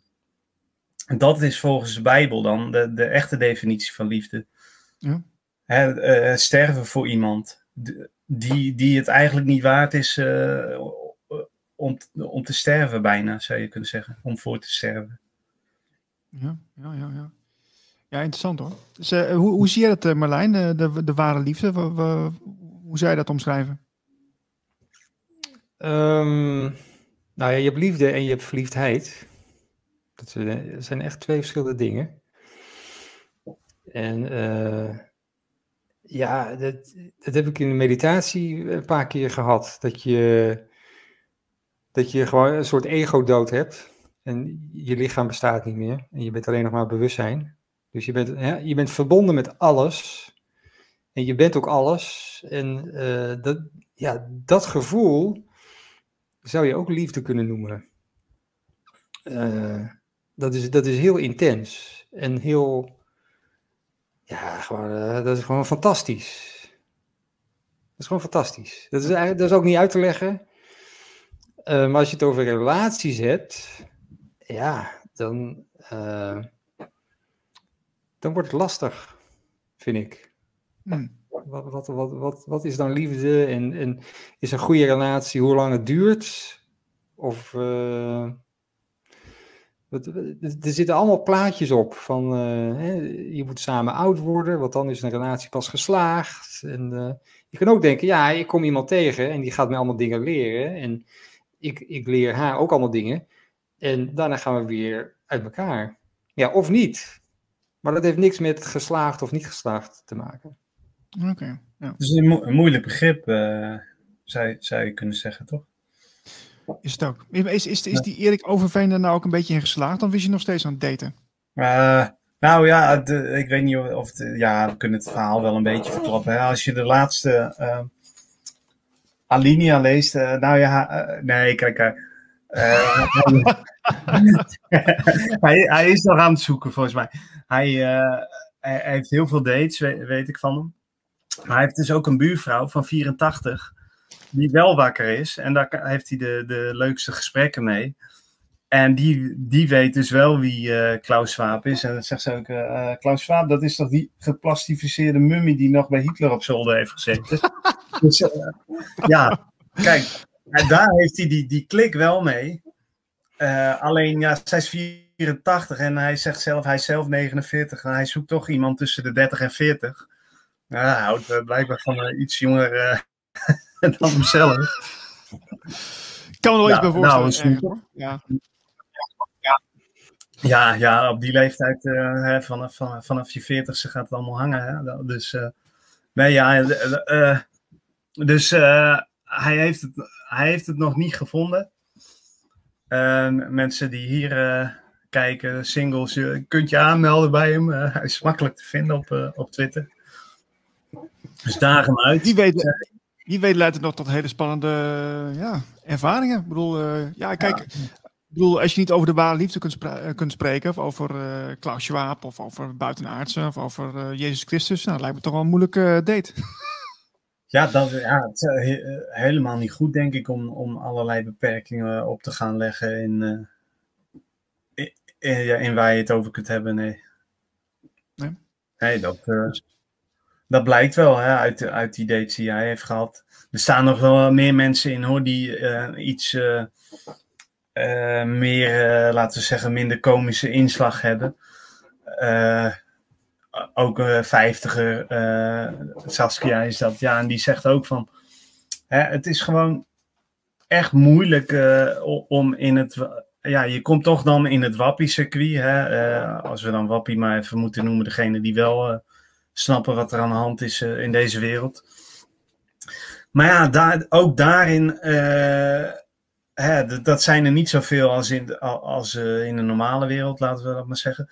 Ja, vind dan maar eens iemand bij je uit de buurt, iemand van je leeftijdsgroep. Als je wat ouder bent, zoals Saskia, die in de 50 is, hè, dan, dan wordt dat zijn er al veel mensen natuurlijk getrouwd en weet ik veel wat.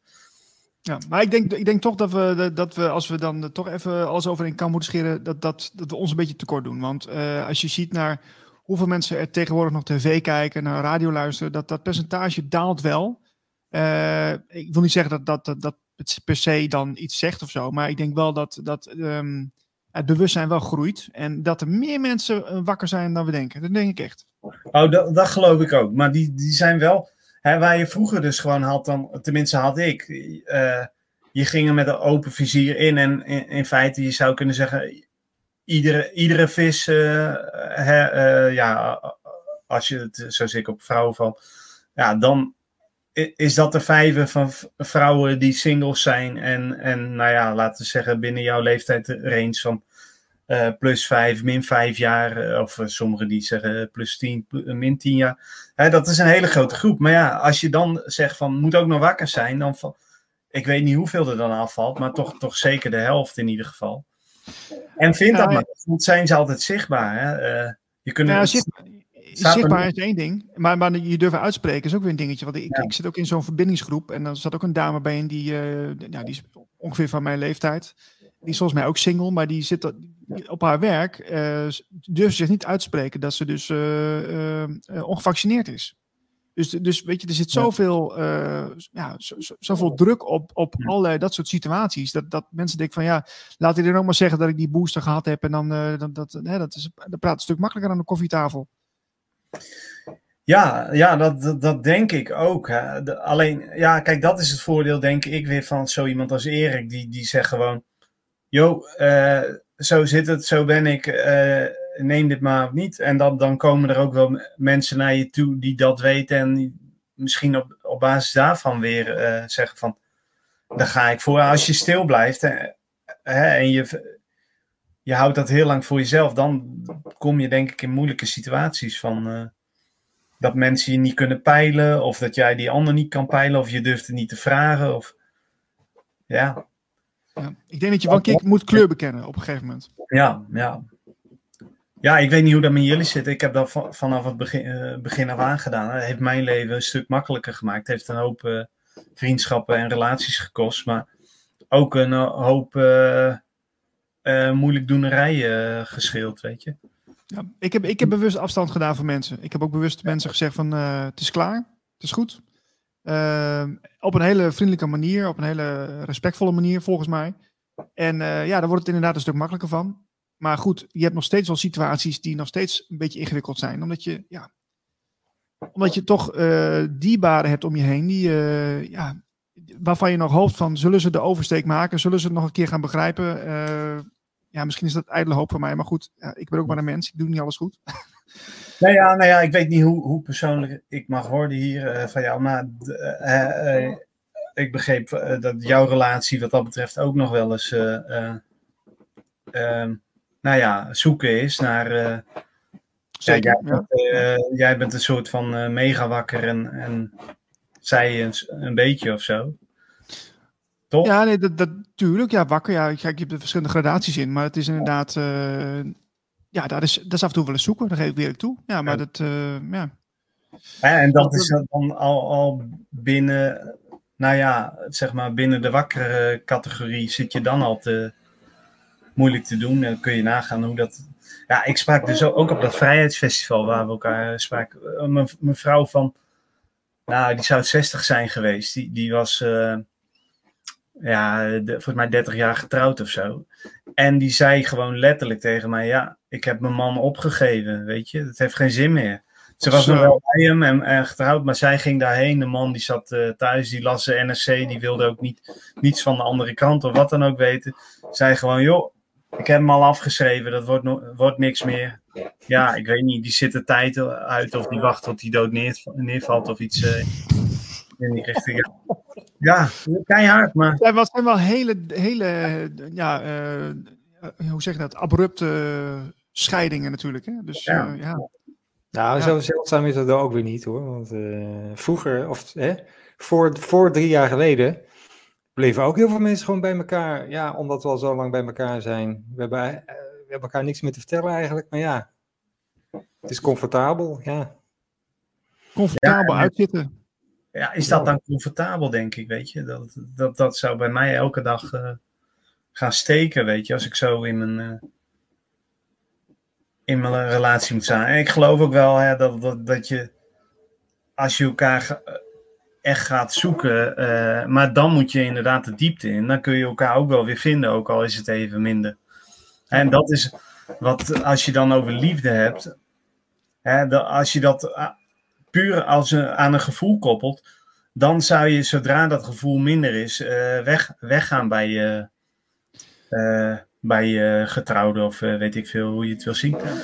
Maar toch denk ik dat, dat, dat, dat wanneer je dus wel gevaccineerd zou zijn, ik denk dat dat toch op een of andere manier, want dat is in mijn relatie namelijk niet het geval, maar als, je, als Steve, mijn partner zou wel gevaccineerd zijn, ik denk dat toch, dat is een soort keuze die gemaakt wordt, een soort ja. van, hè, een soort van scheidslijn van oké, okay, dit ga ik, dit, deze weg kies ik.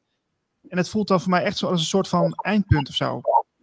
Weet je wel van, eh, dat is niet meer, we zitten niet meer op één lijn. Jij kiest echt voor links, ik kies voor rechts. Ja, eh, ik, ik ben. eh, ik luister dan veel naar, naar wetenschappers die, die zeggen dat je DNA verandert. Ja, als je DNA verandert, als dat ook echt zo is, dan zou je het bijna eh, ook letterlijk zo kunnen zien. Hè? Dat je met een an- ander mens eh, te maken hebt. Wat denk jij Marlijn? Zou dat zo kunnen? Ja. Ja, maar ja, goed, dat is, dat is niet alleen een vaccin die dat eh, kan doen. Je schijnt ook je, je eigen DNA zij- schijn je ook eh, te kunnen veranderen. Eh, of misschien veranderen, ja, misschien dingen, misschien ook weer dingen uitzetten en andere dingen weer aanzetten. Want het is ook weer een. hè, DN- DNA is ook met actieve en inactieve knopjes. Maar ja, dan, dat, dat is het hele verhaal van. Eh, dat ze dan patent op je hebben. Hè? Want zij, zij hebben jouw DNA veranderd.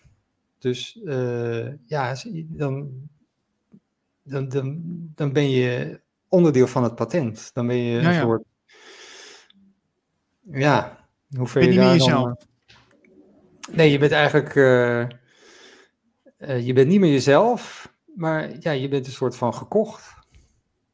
Je bent een product geworden. Hmm. Jeetje. Nou. Eh, misschien lezen we daar binnenkort nog wel iets over in een andere krant. Zou leuk zijn, want eh, er staan genoeg Ja. eh, vaccinatieverhalen in. Maar gelukkig ook heel veel eh, mooie dingen, dus eh, daar ben ik altijd heel blij om. Zoals ook dit stukje van jou, eh, Ido. Ehm, we gaan door met eh, Patricia Mensing zo meteen. En ik wil jou danken voor je tijd, eh, Ido. Ja, nou, graag gedaan, jongens. Eh, fijne middag. Helemaal goed. Tot de Ik volgende keer. doen, uitloggen of zo? Ja, denk ik. Ja, gewoon het rode knopje. Oké. Helemaal goed. Yo, hoi. Hoi hoi, hoi hoi. Hoi, hoi. De andere krant. Ja, dus eh, voor de mensen die niet geabonneerd zijn, doe dat even. Eh, hou je van nieuws, moet je dat vooral doen. Hou je van niet nieuws, niet doen. het, is soms, het is soms zo simpel. Eh, we hebben zo meteen Patricia Mensing, die gaat vertellen over haar vakantieverhalen. Ze heeft heel veel leuke avonturen beleefd. Weet jij waar ze heen geweest is? Bulgarije volgens mij. Aha, Heb jij haar de link gestuurd trouwens? Even. ja, zeker. Oké. Dus ehm, ja, zij maakt ook bij ons een programma De Mystieke Geheimen van Planeet Aarde. Dus eh, mensen die dat interessant vinden, ga ons even eh, zoeken op het YouTube-kanaal Radio Gletscher. En dan zie je ook wel eh, al die programma's die zij gemaakt heeft. allerlei mooie podcasts over ja, mystieke geheimen die er zijn op deze planeet. Heel interessant. Ehm, Oké, dan hebben we nog even wat minuutjes te vullen. Komt er iets aan? Jij hebt iets meegenomen. Avi Loeb, dat is een man, een Harvard astronomer, leads 1.5 million dollar effort to find alien tech on the ocean floor. Dus dit is een fragmentje of eh, artikeltje dat er eh, iets uit de ruimte is komen vallen, een soort meteoriet, maar daar zou dus buitenaardse technologie in kunnen zitten of ja, buitenaardse technologie kunnen zijn. En eh Arie Loop, die, eh, nou, die heeft eh, ja, anderhalf miljoen dollar losgepeuterd om daarnaar te gaan zoeken. Anderhalf miljoen dollar, hè? Dat is toch echt gewoon een schijntje.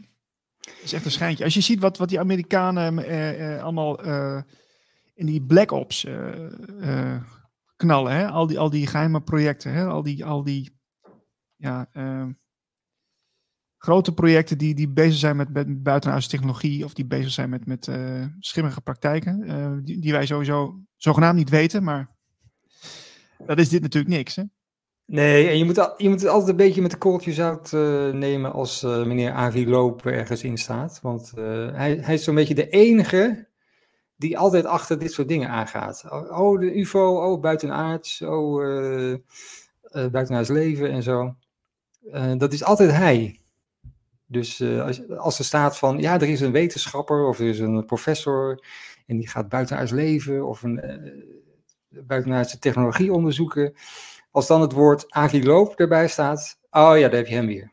Heb je hem weer, die heeft weer wat eh, weer bedacht. Dus klein korreltje zout met, met dit soort berichten. Oké. Ja. Daar komt iemand aan. Dat is Patricia. Is het er al? Ik ben er al. Ja! Ik zat nog heel druk eh, te kijken van kan ik het nog delen ergens. Maar ja nee, dit, dit, dit wordt allemaal gedeeld straks uh, in het weekend. Dus uh, dit is speciaal voor onze donateurs, de mensen die ons trouw volgen en steunen. Dus uh, je bent Ja. daar een speciale gast. nou, Eh. eh, dankjewel, dankjewel. Dag mannen. Hoe Ja. is het met jullie? Ja, goed, we zitten al de hele tijd over dating eh, te praten. Ben jij nog vrijgezel, Patricia? Ja, ik ben nog vrijgezel helaas. Ja, Hoe, hoe doe jij dat met de, de bewuste mannen? eh, nou ja, eh, ehm, niet. Ik heb geen idee. Dus als er echt een hele leuke man... eh, ik ben, eh, nee, ik doe... eh, eh, ik, eh, ik heb het niet gevolgd, maar... ehm, wat ik zie is dat als je hebt al die eh, geëikte dating eh, sites. En eh, ja, dan ben ik toch wel iets te extreem of zo voor dat soort mensen. Uiteindelijk komt dat er toch op neer. En mensen zeggen dan altijd, ja, maar je bent toch ook wel leuk of zo. Dan zeg ik, ja, maar weet je wat wij doen? heb, je, heb je wel eens gekeken naar de uitzendingen? Nou ja, dus ik, ik, ik laat het maar op me afkomen. Ik zou Ja. het niet weten. Ik vind het lastig. En waar hebben Ja, jullie... Het is ook niet, ook niet dat mannen naar jou toeschrijven van ik heb, ik heb je juist gezien door zo'n uitzending. En, eh, Nee, nee, nee. Nog Oh. niet. Wie weet. Je weet, misschien komt het wel in de toekomst. Dat zou goed kunnen. ik zou het wel leuk vinden. Ik ben er wel aan toe. Jij hebt toch ook iemand, Oké. Niels? Ja, ik heb een relatie, zeker. Ja. En jij, Marlijn? Nee, ik niet. Heb je Ja. wel kinderen? Zou je het wel willen? Eh, ik heb ook geen kinderen en eh, ik weet eh, niet of ik het zou willen ook. Maar dat komt meer, want daar hadden we het net ook over, dat al die plaatjes, want als je het over relaties hebt, ja, dan heb je toch een bepaald plaatje in je hoofd van hoe Ja. dat dan eruit moet zien. En ik, heb dat, ik, ik hou niet van dat plaatje. Nee. Dus ik vind dat als je iemand ontmoet, dan moet dat soort van organisch ontstaan hoe je met elkaar samenleeft. Of dat nou samenwonen is of juist niet. Of, eh, maar dat, dat is allemaal, eh, staat allemaal ter discussie bij mij. Nou, maar dat is ook wel goed. Dan heb je misschien, eh, zo, om het geëikte zinnetje te zeggen, de juiste gewoon nog niet ontmoet. Zou kunnen. Ja, of, of misschien al wel, dat zou ook nog kunnen. Hè? Dat, je, hem, Dat je dat, niet. dat je Dat haar al wel je hebt gezien. Ja, ja dat nee, maar wel ontmoet. Maar eh, ja, nee, dus eh, ik, eh, ik, was, ik ga jullie ik was in Bulgarije vorige week of twee weken geleden. En daar eh, ging iemand die pakte mijn hand. En toen zei ze van, eh, laat, want je hebt daar heel veel zigeuners. En toen zei ze, laat me je hand eens lezen. Toen zei ze, je hebt een extreem lange liefdeslijn. Ik zeg, nou, dat kan wel dat kan, eh, kloppen, want mijn hart is echt heel vaak gebroken geweest. Maar ze zei, er komt nog één. Er komt er nog één. Dus, eh, nou ja. Ah, Ik ga het meemaken, jongens. Dus bij deze zijn jullie uitgenodigd voor een feestje. Ik weet alleen nog niet wanneer en met wie. spannende tijden. Ja, dat, we ook een keer gaan behandelen, Marlijn. Je hand lezen, dat vind ik ook wel leuk. Je hand kunnen lezen. dat zijn ook wel mensen dat ja kunnen. leuk hè? Ja, interessant. En tarot hebben we ook nog niet gehad. Ook nog wel Nee, eh, nee. interessant. Ja. Ja. Maar dus oké, dus daar komt wat aan voor jou. Maar wat, wat heb je verder beleefd in Bulgarije? Eh, ja, ik, ehm, ik was dus in Bulgarije geweest. Dat, eh, daar ga ik zeker hopelijk dit jaar nog één keer naar terug. Omdat ik eh, natuurlijk allerlei onderzoeken aan het doen ben. En heel veel gehoord heb over Bulgarije. omdat het ligt natuurlijk tegen Griekenland aan, Roemenië, Turkije. Dus het heeft een enorme geschiedenis. Ik heb daar een, eh, iets bezocht. Dat heet de, drie, eh, de Christophe-route. Dat is een, zeg maar een driehoek vanuit de, vanuit de lucht, vanuit de satelliet. Lijkt het op een vortex. En eh, dat is in eerste instantie is dat een soort plek, wel met een kerk en van alles en nog wat. Waar ze zeggen dat daar ook weer een heilig water, want je hebt daar honderdduizenden. Nou, je kan overal in gaan zitten eh, voor heling. Je hebt ook eh, langs de weg heb je gewoon van die warmtebaden. Daar, daar hoef je helemaal geen geld voor te betalen. Ook het water kan je overal gewoon gratis eh, pakken. En ehm, eh, daar zeggen ze dat een of andere sultan en een rijke bla bla bla, het kruis van Christus, en dat ze dan een stuk daarvan daarin geplaatst hebben. En ik ben naar een andere plek geweest, dat is dus een driehoek, dat noemen ze de, het oog van God. Dus helemaal hoog, in de, in de bergen met eh, allerlei hele bijzondere rotsen, waar ze van vroeger uit al godenverering deed doen. En een andere plek, de derde plek, dat was de, waar ze zeggen over de Ark van Noah. Maar ik ben natuurlijk ook UFO's aan het spotten, want die zoek ik. Ah, oké. Weer niet laten zien aan me, wat verdorie. Maar eh, Jammer. ik heb, eh, en ik ben naar, eh, daar heb ik eh, vorige week een eh, podcast over gemaakt voor de mystieke geheimen, naar bij Baba Vanga. Zij is het de Nostradamus eh, van het Oostblok eh, van eh, deze tijd, van de, de 20e eeuw. En daar heb ik ook eh, het een en ander over verteld. En over een andere plek waar ik dus niet nu geweest ben, want ik had gewoon niet genoeg tijd. Waar de eh Bulgarijse eh, regering twee jaar lang met grof geschut heeft gezocht en gegraven. En na twee jaar hebben ze daar iets aangetroffen en toen hebben ze de hele boel dichtgegooid, hermetisch. En naar die le- plek wil ik nog naartoe.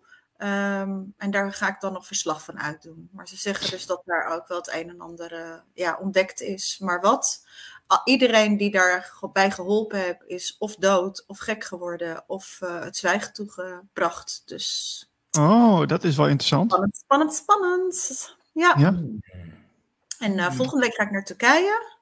En dan ga ik naar wat ze zeggen, het huis van Moeder Maria. Moet ook een een of andere heilige plek zijn. Dus eh, ik ben benieuwd. Geen idee. Heb, heb, je, heb je nog eh, bijzondere dingen gevoeld op een van die plekken? Ja, op een van die plekken, maar dat was niet op die plekken waar ik was, maar wel op een ander stukje. Ehm, het is, je komt daar aanrijden en het is net alsof, eh, zeg maar aan de ene kant van de, je moet het eigenlijk zo zien als dat je, bij het ene is het licht aan en de andere is het licht uit. Eh, is daar, het is heel apart. Er zijn echt, ja, ik ben wel echt onder de indruk van de intensiteit. Het is natuurlijk ook het oude communisme, eh, eh, de corruptie en alles. Maar aan de andere kant, ja, apart, heel apart. Hele hoge energie. Het is nog net niet, en ik zei ook tegen de mensen die daar waren, van eh, je, je voelt gewoon dat er allerlei andere wezens zijn. Maar je kan, we kunnen ze niet zien met ons oog. Prachtige natuur. Eh, wat ik al zei, overal van die mineraalbaden, gewoon warmwaterbronnen. Ehm, ja, heel, heel bijzonder. En ik was dan daar ook nog naar een eh, Romeinse opgraving geweest. Is vorig jaar pas opgegraven. Moet je je voorstellen, 7000 jaar geleden. Eh, wat mensen ook toen konden en zo. Dus ja, apart.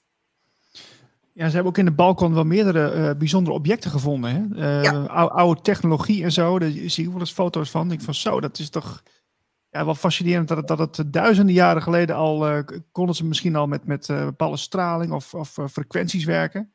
En eh, ja, dat, dat vinden we nou weer terug. En, en waarvan, waarvan we ook niet eens goed, goed meer weten van hoe werkt dat, hè? Wat, wat, wat, hoe, ja, echt ja, fascinerend. Ja, ik, ik, ik moet er wel... Ja? Sorry. Nou, heb je ervaring voor dat mensen dan gek worden als ze op zo'n plek eh, komen? Eh, ja, ehm, ik denk dat je eh, misschien gek kan worden doordat je iets ziet, misschien. Wat wij niet, dat zou kunnen. Ik kan me voorstellen als je twee jaar lang ergens aan werkt en uiteindelijk iets ziet, dat mensen. Ja, ik, ik, ik, ik kan het niet. Kijk, ik zou het niet weten, maar we hebben natuurlijk de afgelopen periode hè, allemaal gezien dat mensen makkelijk gek kunnen worden. Dus. eh, ja.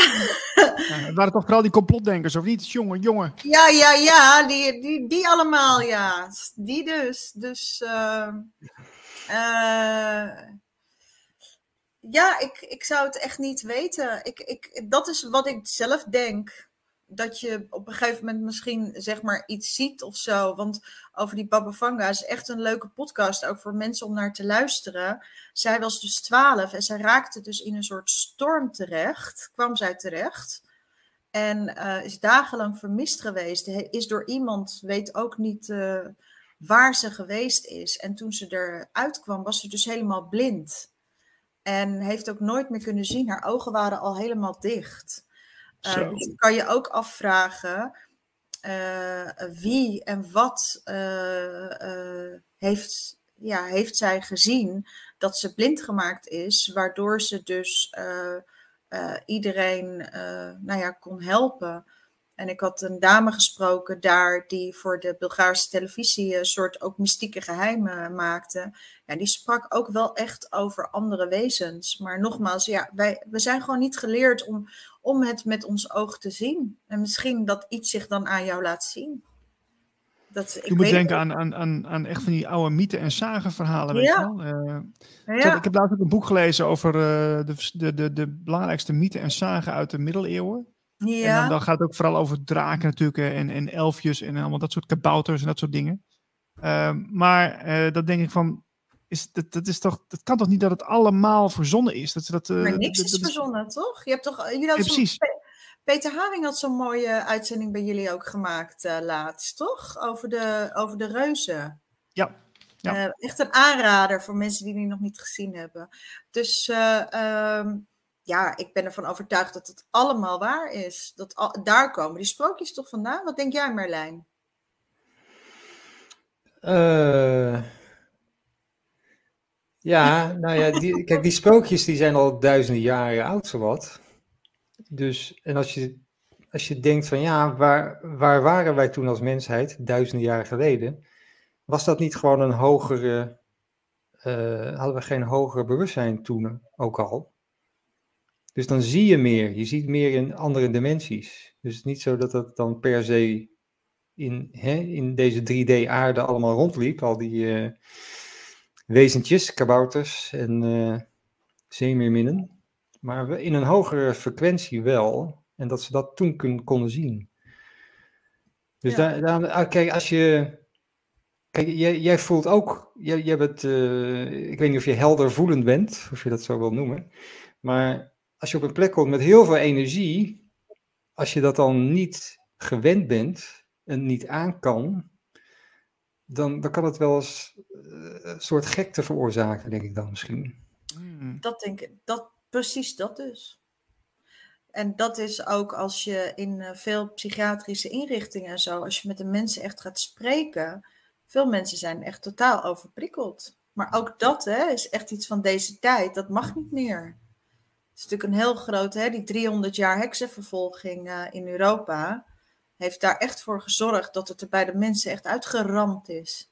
Ja. En daarnaast ook natuurlijk hoe dat tegenwoordig wordt afgebeeld. Hè? Al die uh, draken, ja. Uh, kabouters en veeën en zo.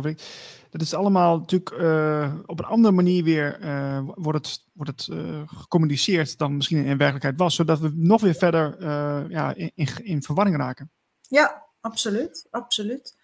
En uh, ja, het is echt. Uh, het blijft echt een. Uh, het worden steeds grotere mysteries. Ik weet niet hoe het voor jullie is. Ik, ik volg jullie ook natuurlijk op de voet. En dan. ja, er is zoveel op deze hele, hele bijzondere planeet. Het, dat wordt mij wel steeds duidelijker. Ik, uh, ik zag een uh, video van Bashar. Ja. En die, die had het over verbeelding. Mm -hmm. wat, wat, wat, is nou eigenlijk verbeelding? Wat doen we dan? Ja, dan bedenken we toch gewoon iets en dan hebben we een beeld in, een in ons hoofd en dat is het dan. Hij zegt nee, uh, je, je denkt aan iets wat al bestaat ergens. Dus jou, jou, je bedenkt, je, je, verbeelding is, je gaat naar een andere tijdlijn of dimensie en daar haal je gewoon iets uit. Het is niet zo dat jij dat maakt in je hoofd. Uh, dus soort, alles wat je kan bedenken, alles wat je kan is bedenken, er, is er al. Maar ja. je tapt eigenlijk uit, het is alsof je uit een, uh, ergens uittapt en daar pak je het dan uit en dat is dan je gedachte. Ja, maar je kan niet iets bedenken wat niet bestaat. Hey, dat is ook logisch, toch? Dus uh, ja. Nou ja. ja. ja. En je, je, gaat dan weer terug naar Bulgarije, begrijp ik? Ja, ik hoop dit jaar nog een keer. Ik moet even kijken. Uh, ik ga dan nu eerst dus naar Turkije. en ik hoop dus nog een weekendje naar Bulgarije terug te gaan. Omdat ik dus graag dus naar die plek wil. Uh, waar ze dus twee jaar uh, hebben gegraven. Dat is wel helemaal dicht gemetseld. Maar ik wil gewoon qua energie, wil ik gewoon eens kijken, gewoon zit daar nog wat? En ehm, toen ik daar was, uh, was eigenlijk net op dat moment ook een graancirkel ontdekt. Maar ik had geen tijd voor om daar naartoe te gaan. Nou ja, in principe dan, nu heeft dat geen zin meer. Maar er is een hele specifieke plek uh, waar ik heel veel aantrekkingskracht toe voel. En ook vrienden van mij hebben daar zelf meerdere. Ja, ze zien daar wel allemaal beweging. Dus ik wil daar eigenlijk een nachtje slapen. Dat is mijn. Oh, ja. Dus uh, gewoon echt midden in het veld. En een vriendin van mij, haar uh, vader heeft daar een klein uh, huisje. En ja, dat zou ik graag willen. Eens kijken wat er, ja, qua energie. Wat er komt aanvliegen. Ja, wie weet. Nou ja, of niet, of meer wat je voelt. Ik denk dat dat sowieso natuurlijk al die, die, die sterrenhemel daar is echt magisch. Dus dat is wel mooi om dat te zien. En ehm, ik heb er geen idee. Ik heb gisteren tegen iemand een uitspraak gedaan dat ik uh, bang ben dat ze binnen twee jaar de alienkaart gaan trekken. Dus uh, het is wel goed om nog even goed wat onderzoek te doen voor die tijd. Mm, ja. ja, daar hebben we het ook al eerder over gehad in de uitzending toevallig. Uh, ja, dat zou maar zo kunnen. Ik bedoel, ik hoorde ook van heel veel mensen die daar wel op rekenen. Dus ja. Ja. Een jaar of ik, twee ik, zeker nog wel. Als ze zo meteen zeggen, hè, plotseling zeggen ze natuurlijk, we gaan weer naar de maan. Nou, dan weet je al hoe laat het is. ja. ja, ja. Ik weet niet hoe dat voor jullie, maar zie ik dat, is het nou, Opeens kunnen ze weer naar de maan, hè? dat is ook wel heel bijzonder. dat komt jarenlang niet en nu opeens wel nee, weer. En, nee, nee, nee, het kan. De, de, de, van Ellen Belt is ook helemaal geen probleem. Dat, daar kunnen ook gewoon zo, huppakee, weer doorheen. En dat nee, was, uh... nee, nee, alles kan weer, ja. ja. Dus, uh, ik neem aan dat ze wat meenemen. Ja zogenaamd. Ik vind het echt. Of, uh, ja. Um, ja, dus dat. En wat ik voor jullie de komende tijd, wat ik ga doen. Ik ben nu iets aan het maken, maar het heeft natuurlijk, het is allemaal, en dat heet Wie is de Mens? Dus dat ga ik inspreken deze week, hoop ik. Dat gaan jullie beluisteren. En daarin ga ik eigenlijk, wat we allemaal waarschijnlijk op school geleerd hebben en zo, maar wil ik dat nog eens even allemaal op een rijtje zetten. Dus de hmm. miljarden hersencellen, hoe de longen in elkaar zitten, het hart en gewoon de krankzinnig bijzondere computer die het menselijk lichaam is. Dus daar. Uh, en dan dat als eerste en dan het stukje van de, uh, de dimensies, de, de energieën, de aura's, de chakra's. Nou, en dat, voor, en dat wil ik ook allemaal gaan uitleggen. Ik dacht van. Okay. En ga je beginnen bij de, bij de biologie dus wel? Ja. Ja. Ja. Dacht van uh, even wat praktisch. Ik denk dat heel veel mensen zeggen, ja, dat weet ik eigenlijk wel. Maar het is misschien wel interessant om het gewoon even allemaal in één, uh, uh, ja, gewoon in één plaatje te krijgen. Ja. En dan okay. ga ik weer verder. Dat is ook wel mooi als schoolboek, zou dat zijn. Hè? Ja. Mooi als voor op de lagere school. Ja, zoiets. Ja. Dus ja. Dus ik dacht uh, dat dat wel uh, ook over het ademen. Hoe vaak ademen we? Nou ja, gewoon allemaal van dat soort dingetjes. Ja. En uh, in alles wat ik ook lees en waar ik mee bezig ben en de boeken die ik allemaal aan het lezen ben. En dan denk ik van, ja, wat mij betreft op dit moment nog steeds zijn de meest, wij zijn het grootste mysterie. Ja, maar dat, dat, is ook gewoon zo. We weten nog steeds helemaal niet goed hoe het allemaal precies zit. Hè. We hebben wel meer uh, aanleiding, we hebben meer informatie, maar nog steeds er zijn heel veel puzzelstukjes nog niet uh, op de goede plek. Nee. Dus het blijft uh, fascinerend. Dus een hele leven door lang leven over, over leren wie, wie, je bent. Ja, ja, ik ben daar echt. ja, ik, ik, kan, ik raak er gewoon niet over uitgesproken. Ik zou ja, ik vind het echt een eer dat ik dit voor jullie mag doen. Oh. Ik uh, ja, ik vind het echt, het, het geeft me echt, uh, het is echt uh, leuk om dit zo wekelijks, probeer wekelijks, of om dus elke keer toch, ja, toch maar weer in te spreken. En soms, dan is het echt, want ik wil het in één keer inspreken en dan is het, oh, foutje. En dan denk ik, oh god. oh, Ja, en dan eh, luister ik het terug of dan denk je, oh ja, denk ik, nou oké, ja, dat is eh, dat het zo eh, interessant mogelijk ook blijft om het terug te luisteren. Ja, ja. Nou, het- het regent hier ook fouten hoor in de uitzending. Dus of dat, dat- dat- ja, het maakt op zich niet uit als het een keer gebeurt. En wat ik heel leuk vind, is dat ik had laatst eh, een vriendin van mij, die was bij mensen. En die luisterde op zondagavond naar de podcast. Die hadden hem aanstaan. Toen zei ze, hey, ik hoor het. Ik, ik hoor jou- jouw stem op de, van de live podcast. Toen dacht ik, kijk. Ja, nou, ik had, dat was wel leuk om te vertellen nog. Eh, ik had dus gisteren iemand eh, aan de telefoon. Die komt waarschijnlijk bij ons in de nieuwslounge. En die zei, Oh. ja, wij, wij zijn heel blij dat Radio Gletscher bestaat. Want eh, jullie doen fantastisch mooi werk en jullie mooie uitzendingen. Dus eh, dat wil ik nog even aan jullie meegeven. Want eh wij worden zeker geluisterd. Ja, hè? Ja. Ja, ja. en ook heel leuk eh, eh, van alle goede reacties. Eh, wat zijn, tot slot, wat zijn jullie eh, plannen? Gaan we lekker gewoon door voorlopig? Wij gaan gewoon door. Eh, We moeten wel even kijken hoe het verder met de zender zelf gaat. Want eh, die moet wel betaald worden. eh, over een paar maanden volgens mij. Maar eh dat gaan we nog even overwegen. Want dat is, eh, dat is wel even een dingetje. Maar eh, Maar we zien het wel hoor. We zien, we zien dat de, de luistercijfers eh, omhoog gaan.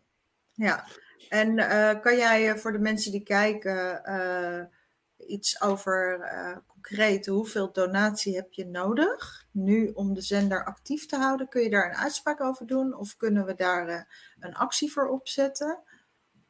Dat zouden we kunnen doen. Misschien wel een leuk idee voor de volgende keer. Daar gaan we dan later even over doorbabbelen. Maar, Daar wil ik eh, graag wel eens even over hebben, want ik denk dat dat echt eh, de moeite waard is, want er zijn zoveel fans. Dat moet lukken. Ja, goeie. Daar gaan we, daar gaan we over door. Ehm, ik denk dat wij klaar zijn voor vandaag. Dus ik wil jou wederom heel erg danken voor je tijd. Dankjewel mannen. Eh, wij zijn er volgende week weer. eh, wederom voor de donateurs. Die krijgen daar een speciale link voor. En natuurlijk voor de mensen die ons willen blijven volgen. Dat kan ook. Maar dan in het weekend zijn wij helemaal te zien. Eh, dan kun je alles terugkijken. Maar dan ben je helaas niet live. Dus dat is dan weer even een dingetje. En volg ons ook op de nieuwsbrief. Want we hebben een hele interessante nieuwsbrief die elke week uitgaat. Ben helemaal op de hoogte van alle ins en outs. En natuurlijk social media. Twitter, Instagram, Facebook en ons YouTube kanaal. En kijk natuurlijk eh, vooral naar onze programma's van Dennis Nelissen, eh Maartje Lute of Patricia Mensink. Iedereen dank voor het kijken en tot volgende week. Bye bye. Sluit nou af dan.